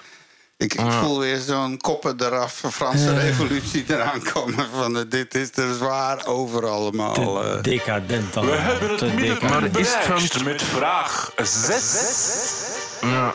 Is, is het van, het is een puntje deze keer nog eens? Ja, Ja, dus dat oké. Ja. Eentje voor mezelf. Ja, voilà. Ehm, vraag 6, en dat is een wereldwijde vraag. Hoeveel hamburgers verkoopt McDonald's per seconde? Mm. En wie het dichtst erbij zit, hè? Dit is gewoon heel abstract. Even kijken hoor, even rekenen. Ja, maar je moet er dan ook wel dichtbij zitten. Hè? Want dan, Ja, ja. Zo, zoals je zegt, 100.000 en het zijn er maar vijf, dan, dan zit je er niet dichtbij. Nee, maar wie er ook het dichtst bij zit, iedereen zal wel wat anders Het is een beetje een gokje. Ik denk- Een gokje. Ik eet dat nooit. Ik vind Mario? vreselijk. Wat zeg je? Je moet dat weten. Ik weet wel dat Eh. ze, dat was in 2003 of 2004 openden ze om het kwartier een restaurant ergens op de wereld. Alright. Dus eh, Mario zegt 21.000 per seconde. Per seconde, hè? Oh, ja. Eh, is het van zich 240.000? Het lijkt Dat is wel toch heel wel erg veel per Nou, seconde. nou, dat zijn, hoop er kunnen heel de wereld mee voeden als dat per seconde is. Michael zegt 70 per seconde. En Minja, ik hoop dat ik haar naam juist zeg. Minja. Eh, 22.000 is ook veel, want het zijn er eigenlijk 75. Dus Michael zit daar eh, het meeste bij. Oké. Ehm, 75 per seconde, dat zou willen zeggen dat je 1% van de wereldbevolking elke dag kunt voeden met McDonald's hamburgers. Ja, en er was nu pas een artikel van iemand die 100 dagen McDonald's heeft gegeten. Die is afgevallen, die is fysiek op Super vooruit size gegaan. mee. Nee, nee, dit Dat was pas nu. nee, dat, dat was, dit was onlangs. Ik zal dat zo opzoeken. Oh. Het is pas gebeurd. En dat was een zeer onver- onverwacht resultaat, zeg maar. eh, Zullen we maar zeggen. Ik- ik- ik Hey, maar we het zijn halverwege gekomen, hè? Vraag 6. Er is een tussenstand. Ja. Er is een tussenstand. Ehm, ja, Minja is er het laatst bijgekomen en heeft dan nog niet kunnen scoren. Maar Mario heeft één punt, Istvan heeft er twee en Michael heeft er vier juist. Oké.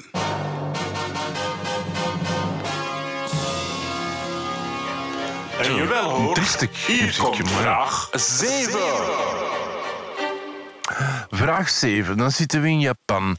Hoeveel jaar sushi kokopleiding duurt het om vertrouwd te worden om de rijst te maken? En dan heb ik het alleen over de rijst. Hè. Hoeveel jaar moet je daarvoor studeren in Japan? Eh, ja, het is een heel raar land.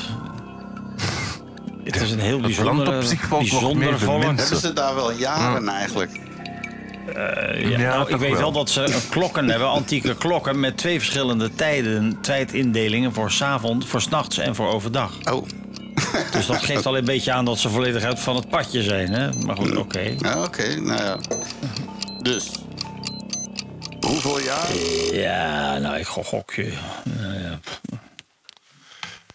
Ehm, ehm, Michael, onze googelaar, zegt 5. En, en Mario zegt 2,5. De praataf zegt 4.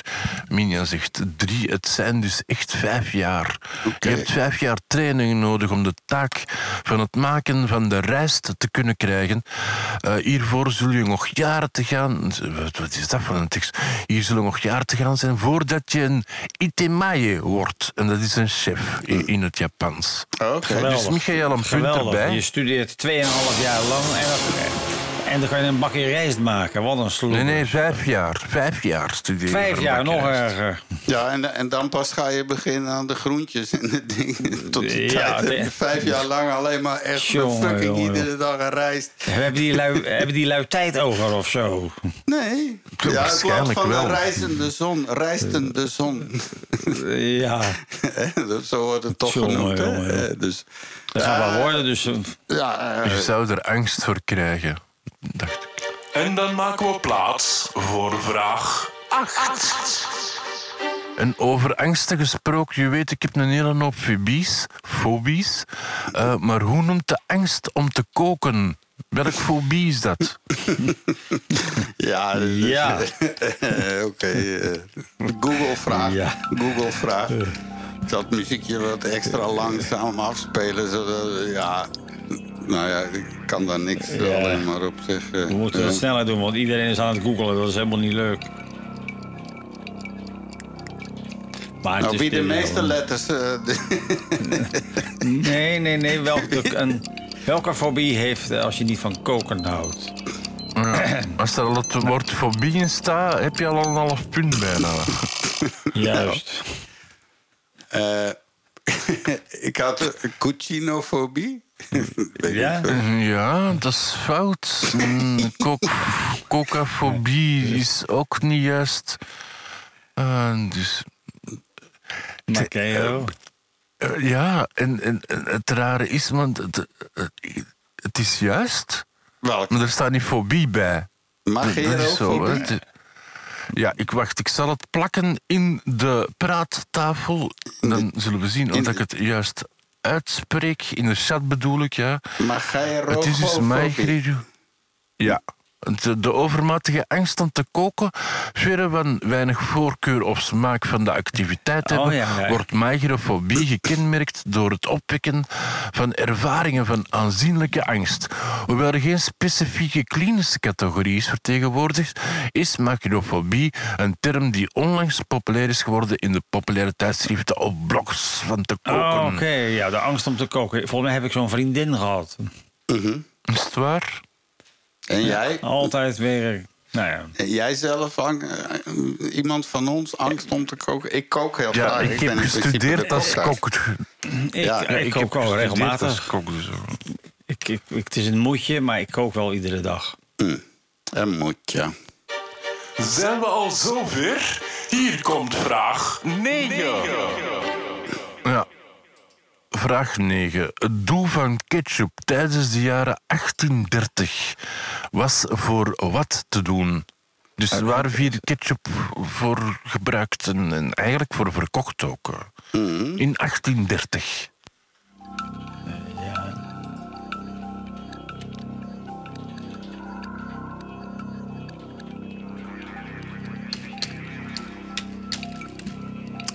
Waar werd ketchup? Het was ketchup toen nog. Ik heb ooit eens een heel Nee, ketchup. een podcast ervan gehoord hoe dat ontstaan is en waar dat vandaan kwam. Dan moet je het juiste antwoord weten. Ja, maar dat was lang geleden hoor. Heel lang geleden. Mijn hersenen. Ehm, is het een zegt conserveermiddel, dus je hersenen zitten daar niet in, want dat is fout. Eh, Mario zegt medicijn, en dat is inderdaad het juiste antwoord. Michael verduidelijkt weer, verdoezelt weer een beetje dat hij gegoogeld zijn met toch, oh, toch niet als geneesmiddel zeker.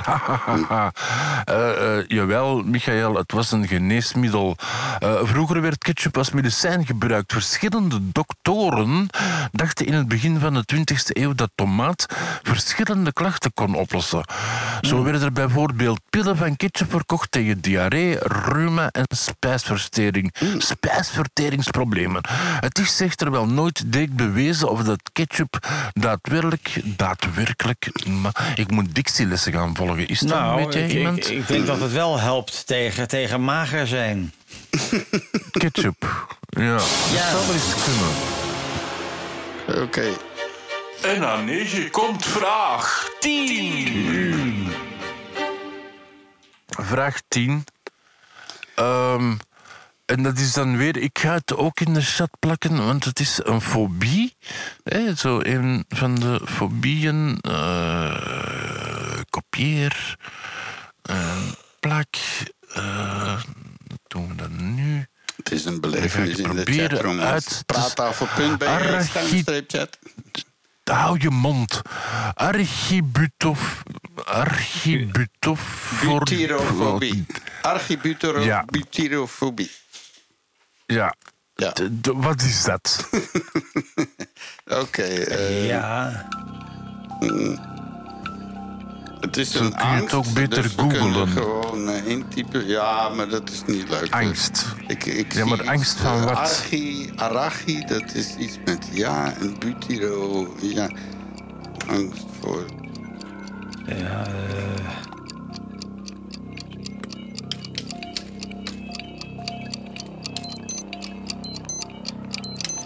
Even nou, dat klopt het niet.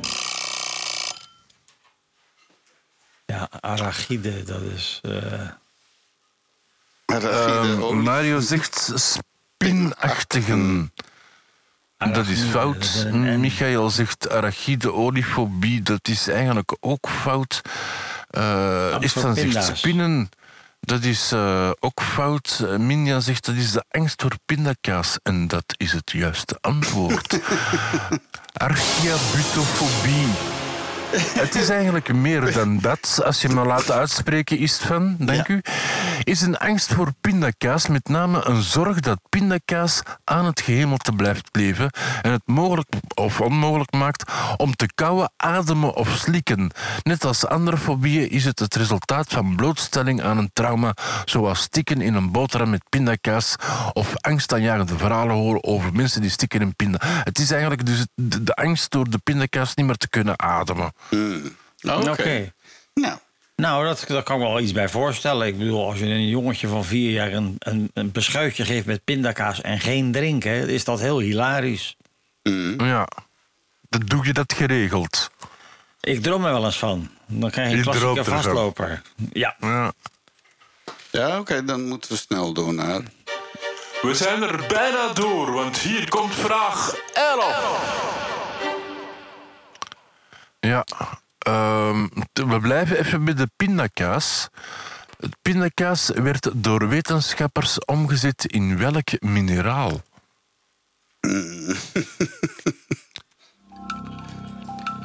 ja dat- Welk mineraal? En, en Minja zegt, ik heb de praattafel toch geluisterd. Ik weet niet wat het toch geluisterd is. mineraal. Toegeluisterd. Toe, toegehoord uit Duitsland. Eh, Even kijken hoor. Eh, Wat was de vraag ook Dat alweer? gewoon zeggen... eh, ik pindakaas. Ze hebben daar een mineraal van Ah, ja. gemaakt. Welk mineraal? Nou ja, ik, ik, ik typ maar die. Oké. Wat is folium? Is het van? Ja, een mineraal. Foliumzuur. Ja. Mario, dat is toch een mineraal? Nou, het lijkt me niet echt een mineraal, nee. Oh, nou dan is Nee. het een plusseraal. Dat is een min, Ja. min één punt, want het is zelfs geen mineraal. Michael zegt nitraat is ook fout. Mario zegt vraagteken, vraagteken is ook niet het juiste antwoord. Het is namelijk diamant. Pindakaas is net als diamant rijk aan koolstof. Daarom zetten wetenschappers pindakaas onder hoge druk om diamanten te maken. Waarom doen ze dat dan niet gewoon met, met koolstof? Ik zou dat wel Omdat heel het bizar met vinden. pindakaas veel leuker is en je kan die achteraf opeten. Ja. Ja, Mario, dus snap je toch wel. die Ja. logica. De laatste vraag van vandaag. Vraag 12. Ja. Eh, welke noot wordt gebruikt om dynamiet te maken? Elke noot. Er wordt een noot gebruikt om dynamiet te Ja. maken. Welke noot? Goh, ik weet het.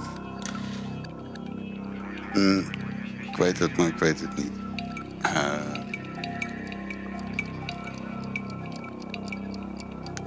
Nee, ik zie het voor me, ik weet het, ik weet het niet. Ik moet deze schuldig Hoe ziet blijven. ze eruit? Hoe smaakt ze? Ik heb er nog noten nooit waarschijnlijk. Ah ja. Elke... Eh, mist kijken. Is van weten dus niet. Mario zegt de paranoot is ook fout. Michael eh, is eh, juist. Pinda. Het is de pindanoot of de grondnoot. Eh archideolie wordt gebruikt om glycerol te produceren. Dat kan worden gebruikt om nitroglycerine te maken. De nitroglycerine is een explosieve vloeistof die nodig is om het maken van dynamiet. Oké. Kijk, zo simpel was Nee, dat. maar, en we hebben het al drie keer over pindanoten gehad. Hè. Dus zeggen van ja, ik weet het ongeveer, maar het is. Nee, wat? De, de, de laatste ging over pindanoten. Het was logisch. Maar die, logisch, dynamiet, eh, wat heeft dynamiet te maken met, met eh, eh, nitroglycerine? Ehm, dat zit daarin? Dat is een onderdeel van dynamiet. Ik denk dat het meer een stikstofverbinding is. Nee, nee, nee. Je hebt Nou zo ja. van die oude westerns. En, en dan zo, ja, we hebben in een mijn nog een kistje met dynamietstaven gevonden. En dan gaat hij met zijn vinger, maar ze lekt. En dan gaat hij met zijn vinger over die dynamiet en Ah, hangt er ja. vloeistof. En dan gooit hij dat op de grond en dat ontploft. Dat is de nitroglycerine die Ja, ja. lekt uit de dynamiet. Ja, dynamiet Nou ja, oké. moest vroeger ook heel schokvrij worden. Als je zo'n kist liet vallen, was het gedaan. Ja, dat was, eh, Nou, Alfred Nobel die heeft daar eh, zeg maar eh, zijn fortuin mee gemaakt. Die, die had in die nog? tijd nitroglycerine. En nitroglycerine is inderdaad heel gevaarlijk. Maar als je er diatomeeën-aarde bij gooit... Dat, is eigenlijk, dat zijn allemaal de skeletjes van een, van een heel klein organisme. Eh, dan wordt het stabieler, waardoor je het kon vervoeren. En zo is dat eigenlijk ontstaan. Maar we willen graag de uitslag hebben. Want natuurlijk zitten we allemaal te wachten op de, de uitslag. Ja, Minja is er later bijgekomen en, en ze leert Nederlands, dus het is voor haar ietsje moeilijker, sorry, vermoed ik. Zij heeft toch wel één punt gehaald. Oké. En dan staan Istvan en Mario gelijk met twee punten. En Michael is de grote winnaar met acht punten.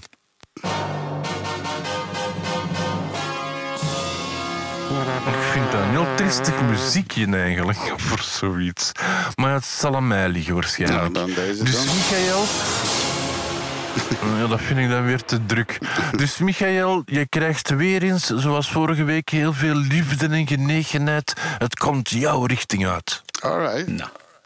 Welkom aan de praattafel. Uw wekelijkse afspraak voor een goed gesprek. Kosmisch gezeven aan tafel.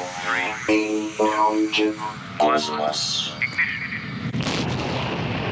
Ja, We're flying into space, you know, van de eetquays naar de Ja. space quays, de, de Goldilocks color. Nu blijkt na onderzoek van al die foto's die getrokken zijn door eh, de vorige satellieten, de Keplers en de Gaia's, die hebben daar in de ruimte gehangen. telescopen zijn dat, ja. Ja, die, die, die fotogra- de Kepler die eh, hield één bepaald stuk in de gaten eh, van zo'n honderdduizend sterren om te zien of dat daar planeten voor langs gingen, zeg maar zo. En nu hebben ze dat allemaal onderzocht. En wat blijkt nou, Mario? Nou, dat er dus honderden miljoenen planeten in onze eigen melkweg zijn... die zomaar leven zouden kunnen herbergen. Honderden miljoenen. Want eh, eh, eh, een derde van de planeten die rond gewone dwergsterren... die dat is de meest voorkomende ster eigenlijk... eh, eh, een derde daarvan zou mogelijk leven kunnen eh, be- herbergen. Want ons sterretje is, is onze oude vertrouwde warme gele zon... is eigenlijk een relatieve zeldzaamheid in de Melkweg. De, de meeste, eigenlijk de grote bulk, zijn aanzienlijk kleiner en koeler. En hebben hooguit de massa van onze zon.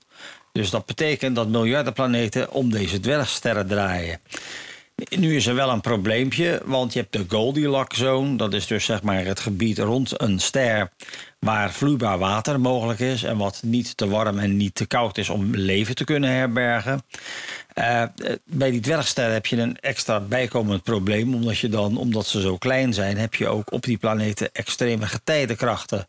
Waardoor dus twee derde, waardoor dus, dus twee derde niet zou kunnen eh, ontstaan. Maar dan blijft er nog steeds een derde van de planeten over. En dat zijn nog steeds honderden miljoenen eh, die zich in een baan eh, in de Goldilocks-zone in, dat, in die baan eh, bevinden. Dus dichtbij genoeg en zacht genoeg om vloeibaar water vast te houden. Mogelijk leven te herbergen en inderdaad om kunnen gaan met die getijdenkrachten. Die dus zeg maar, die, die ze dan ervaren eigenlijk.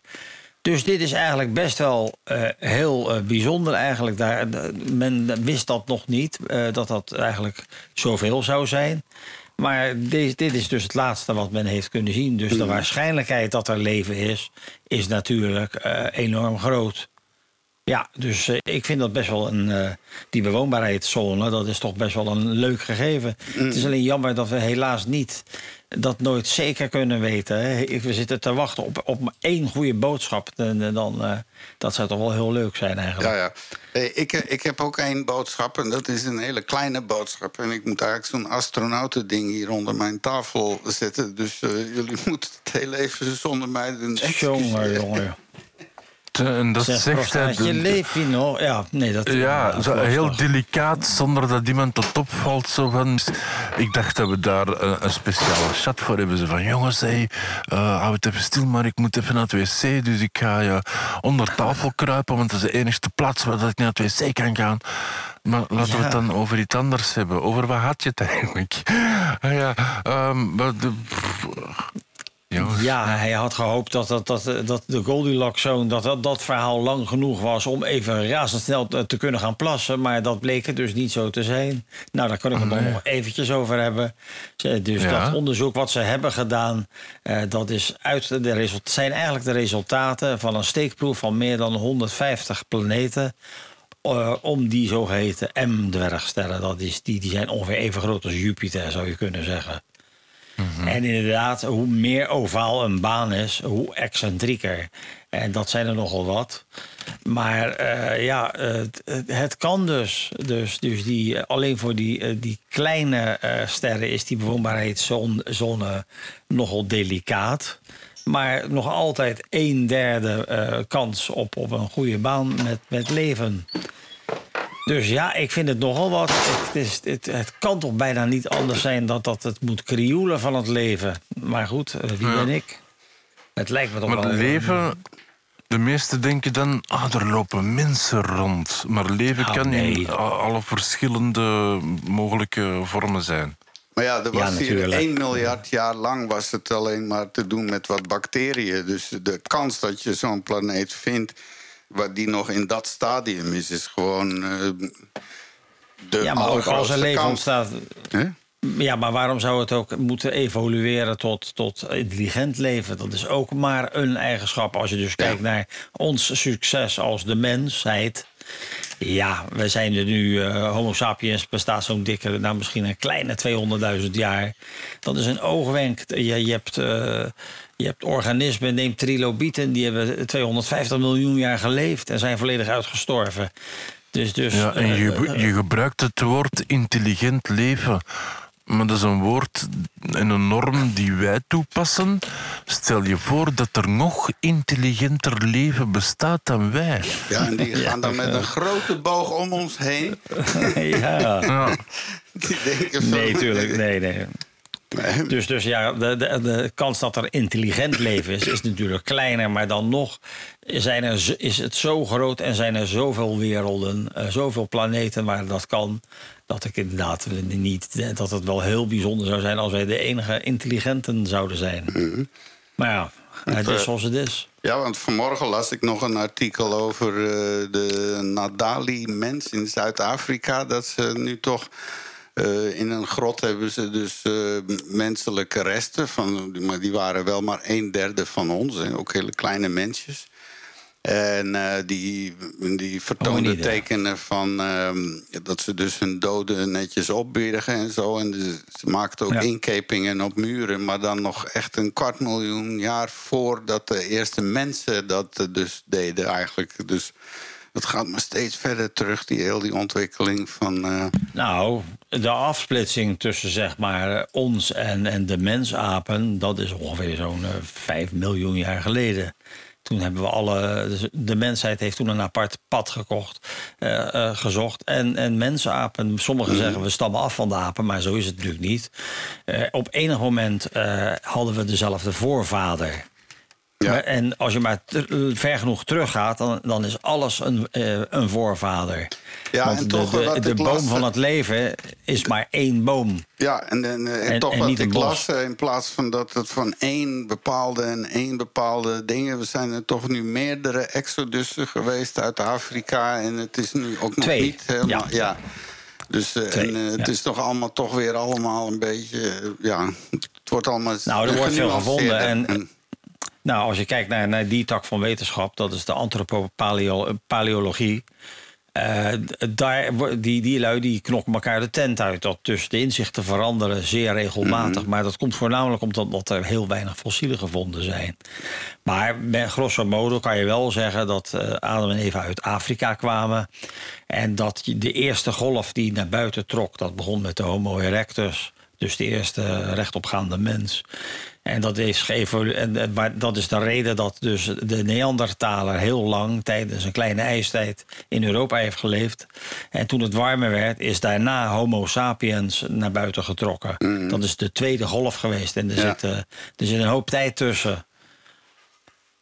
Ja, dus ik vind het wel, het is een hele boeiende tak van sport, ant- Ja, ja, ja. paleoantropologie. Ik heb er ook een link. eh, En zoals alles, beste mensen waar we het over hebben... je kan het allemaal terugvinden op de praattafel.be in onze show notes. Want eh, als je niet alles kon luisteren... je kan de hele uitzending terugluisteren op de praattafel... maar ook op Spotify en overal waar je maar podcast vindt.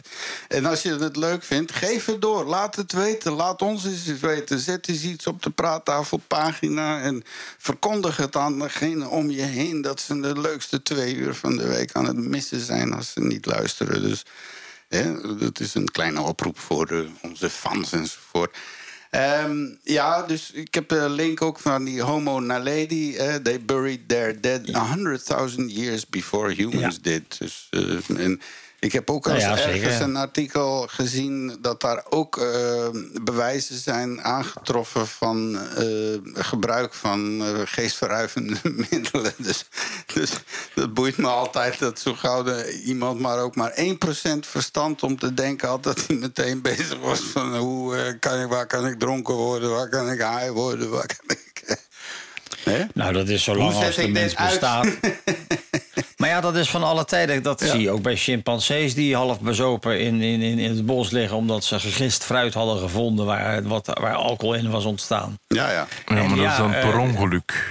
Ze zoeken Nou, dan ja, zeker. denk ik. Maar, maar zo'n boom wordt wel zeer regelmatig bezocht dan. Hè, als ze weten dat daar het fruit aan het rotten is. ja dat is Ja, maar dus- ook olifanten heb ik gezien is in een documentaire. Een giraffe Ja, die ja, zat er ja, maar- op. Ja.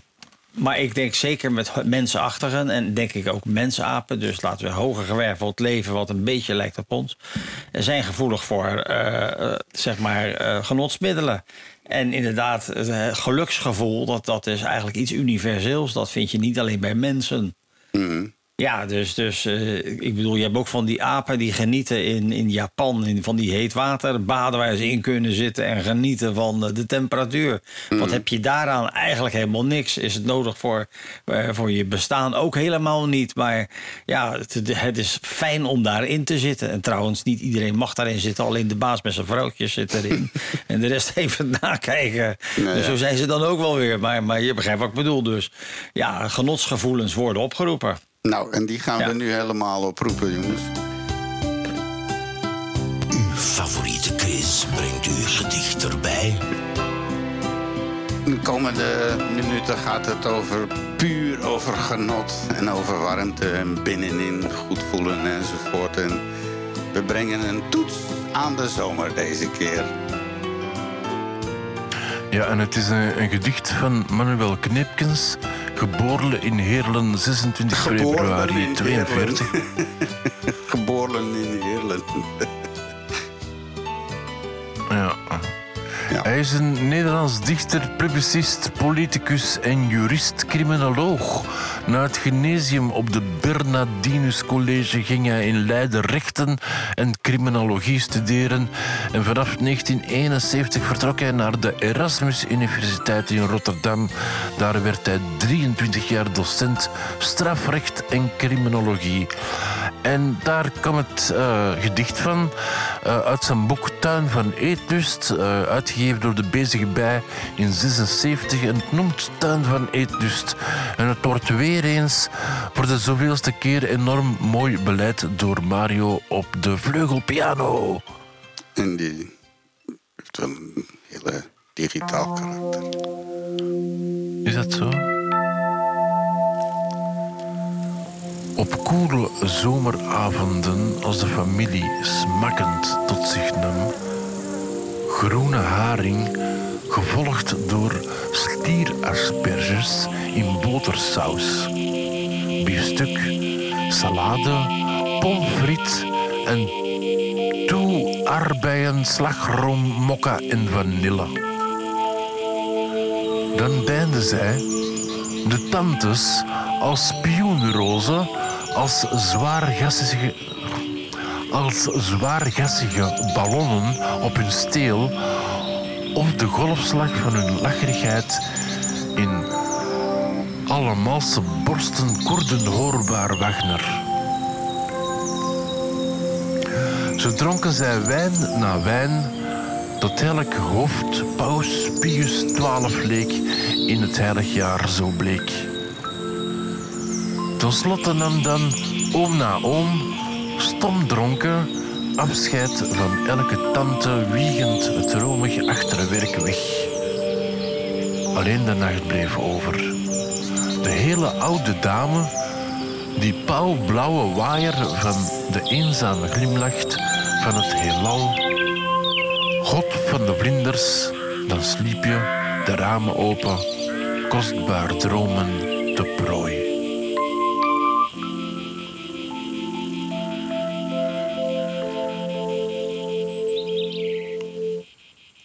Ja, ik denk dat ik iets verkeerd gegeten heb. Mijn uitspraak is vandaag zo...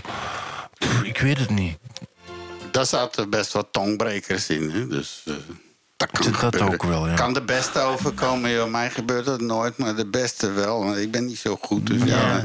dan, eh, Ja, maar jij Dan bent. Nederlander, hè? Jij bent ermee geboren, hè? Met, met zo tonbrekerstoestanden, uitspraak, weet ik veel, gedoe. Ja, zeker over Nederlanders gesproken. Ik had nog even beloofd om een eh, shout-out te doen. Want eh, de film die we gemaakt hebben met de Pestalozzi School in eh, Kiel, hier in Antwerpen.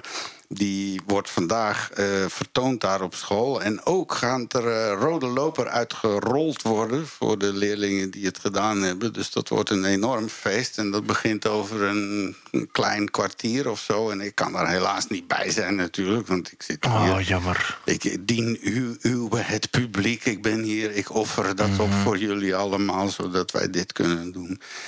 Ehm, dus ik eh, moet even een shout-out doen naar eh, Emmy eh Rijstenbil en Amber Gering. Dat waren de twee dames die in de boel hebben begeleid. En Amber was de lerares drama en toneel enzovoort. En Emmy was gewoon de producer. Dat is nog iemand die gewoon bij je zou willen hebben. Van, het komt allemaal in orde, allemaal in orde. Met een smile en een ding en een stempel. Kam, in orde. Daar houden we van. Dus groeten aan heel de groep daar, jongens. Ik hoop dat jullie dit horen. Misschien zetten ze de radio op, maar vanuit ons van, groeten naar heel de school. En eh, bedankt voor het mooie project. En eh, wie weet eh, wat we nog allemaal voor mooie dingen gaan meemaken. En dan is het tijd voor... Wetenschapsnieuws. De laatste inzichten. Zeker weten. Dus eh, ik had het net al over die homo naledi. eh daar hebben we het dan net over gehad. Maar nu, eh, wat wel heel boeiend is... in het Engels... Man sees cancer disappear after a month of advanced therapy. CAR-T-celtherapie is in aantocht, hè Mario? En dat is Ja. een beetje jouw domein. Ja, ik kan wel even uitleggen hoe, wat, wat ze daarmee bedoelen. Eh, je ziet hier staan CAR-T-cellen. Eh, T-cellen, dat zijn T-lymfocyten. En Lymfocyten, dat zijn witte bloedlichaampjes. Eh, en met name de T-cellen komen uit de thymus. Daar, daar staat die T voor. En de thymus, we kennen hem ook als de zwezerik. Dat is eigenlijk een, eh, een orgaan die groot is als je jong bent. En dat, die wordt als het ware opgeleid in je puberteit, of in je, in je jeugd. om het verschil te maken tussen lichaams-eigen en lichaamsvreemd materiaal. Begrijp je? Dus, alle, dus het is dus een. een je, daarbij, opbouw- daarbij bouw je dus met die T-cellen een soort archief op. eh, die, eh, die, die, zeg maar onderdeel is van jouw immuunsysteem.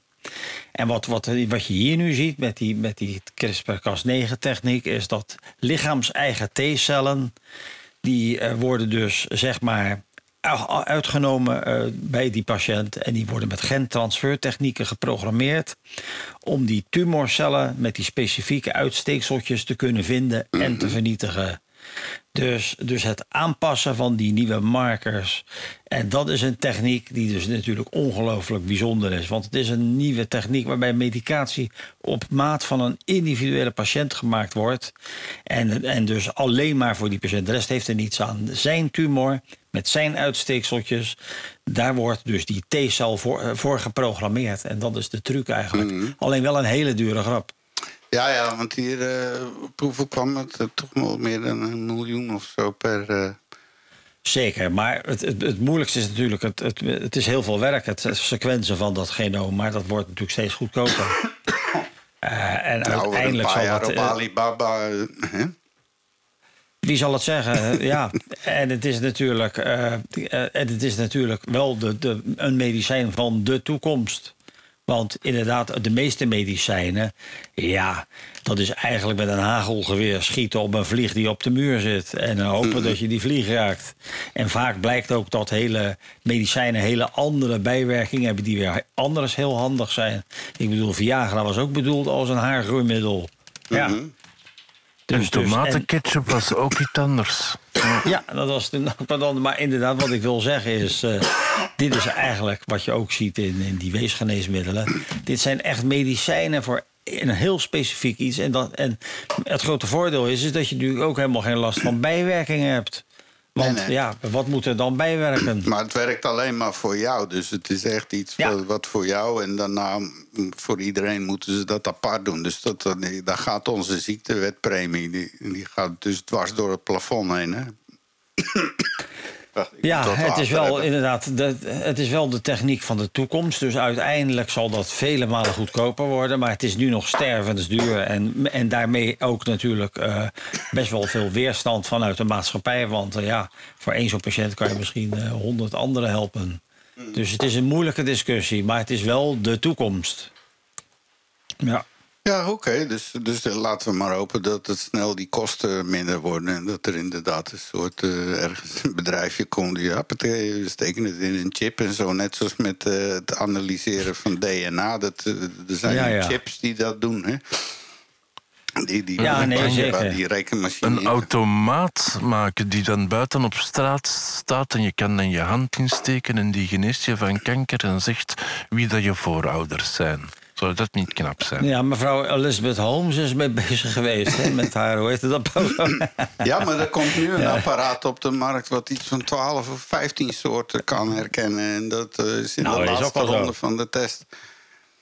Als je kijkt naar het hielprikje, wat, wat, iedere, eh, wat, wat iedere baby krijgt na geboorte, daar zitten, al ste- daar, daar zitten steeds meer stofjes in die, eh, die aangeven of een kind erg een bepaalde ziekte heeft. Dus, dus ja, eh, ja de, de, alles wordt, wordt, eh, gaat, eh, vindt verdieping eigenlijk.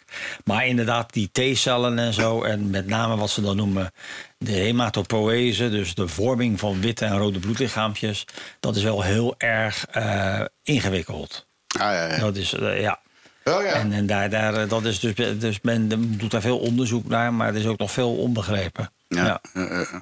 Hey, ehm, over alles eh, onderzoek en onderzoek. Nu eh, las ik weer wat eh, standaardmodel in twijfel getrokken. En wat is er dan nog standaard aan dat model? Hè? Want, Ja, want ja. ze hebben nu, weet ik veel, dat gaat boven onze pet... maar wetenschappers hebben het zeldzaamste Higgs-boson... verval in een Z-boson en foton geregistreerd... met een waarschijnlijkheid van 0,15 procent, Ja. Mario. Dat is onwaarschijnlijk, Maar ik, eh, ja, maar dit hele artikel, ik, kan, ik, ik heb het artikel gelezen en eh, er staat nergens waarom dan het standaardmodel in twijfel zou moeten wor- moeten worden eh, getrokken. Plus, het- ja, de website GaGadget, GaGadget.com is eigenlijk een gamers. eh, ik kan het niet al te serieus nemen, want als echt het standaardmodel eh, in twijfel zou zijn getrokken, dan, dan, eh, dan is het all over. Dan zie je het overal eigenlijk. Dus, dus het, is een, het is een beetje een kattenbelletje. Ja, wat, wat zeggen ze daar? Je hebt, eh, het gaat over die Large Hadron Collider. En eh, dat gaat over het Higgs-bosonverval. Nou ja, we weten allemaal dat Higgs-boson dat geeft alles massa. Dat komt door dat Higgs-veld wat over Spreek heen voor jezelf, liggen. Mario. Als je zegt, we weten allemaal dat het Higgs-boson verval, ik weet daar niks van. Nou, het is wel wereldnieuws gewe- geweest. Dat, op een gegeven moment had je in het nieuws het goddeeltje is gevonden. Kan je dat nog herinneren? Ja. Dat was in eh, Dat wel. 2012. Nou, daar, ga- dit, daar gaat dit over. Ze zochten nog steeds naar. eh, de, de, er was een stelling dat alles massa heeft, omdat er een, een, een, een veld zou moest, moeten zijn. Een, eh, een, een, de- een deeltjesveld. Wat eigenlijk alles massa geeft. En, maar dat vonden ze nog steeds niet. En het Higgs-boson is, is die invulling daarvan. Nou ja, de is laatste een van zin, die. eh, ja. ja.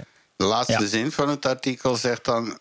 hè, dus eh, be- de Higgs-boson kan vervallen eh, enzovoort... maar mogelijk zal de gebeurtenis onderzoekers dwingen... hun inzicht in de structuur van de wereld te veranderen... en zal het standaardmodel moeten worden herzien. Tadarapapapam. Ja, Nou ja. ja, ja. Nou ja. ja, nou ja. Ik lees zeggen? dat, ik lees dat, ik lees dat en zo. Eh, ja, dan nog ander goed nieuws. Eh, Elon Musk, eh, ondertussen, waar hij allemaal mee bezig is... die gaat nu ook zorgen dat een soort Robocop Ja. gaat, Ja. gaat ontstaan. Een Robo People. ja. Robo People. Ja, ja. Nou ja, het is wel spannend, want hij heeft natuurlijk best wel veel. men was, hij wil erg graag inderdaad ook met hersenwetenschap bezig zijn. En zijn bedrijf die dat doet dan, althans, dat is Neuralink. Dat is een van, de, van zijn bedrijven. Eh, die waren, lagen wel onder vuur omdat ze best wel heel veel op een hele grove manier proefdieren hebben gebruikt. Waarbij je kan afvragen van, kan dat eigenlijk wel? Maar ze hebben nu wel goedkeuring gekregen om eh, de hersenimplantaten te gaan testen op Ja, ja. mensen.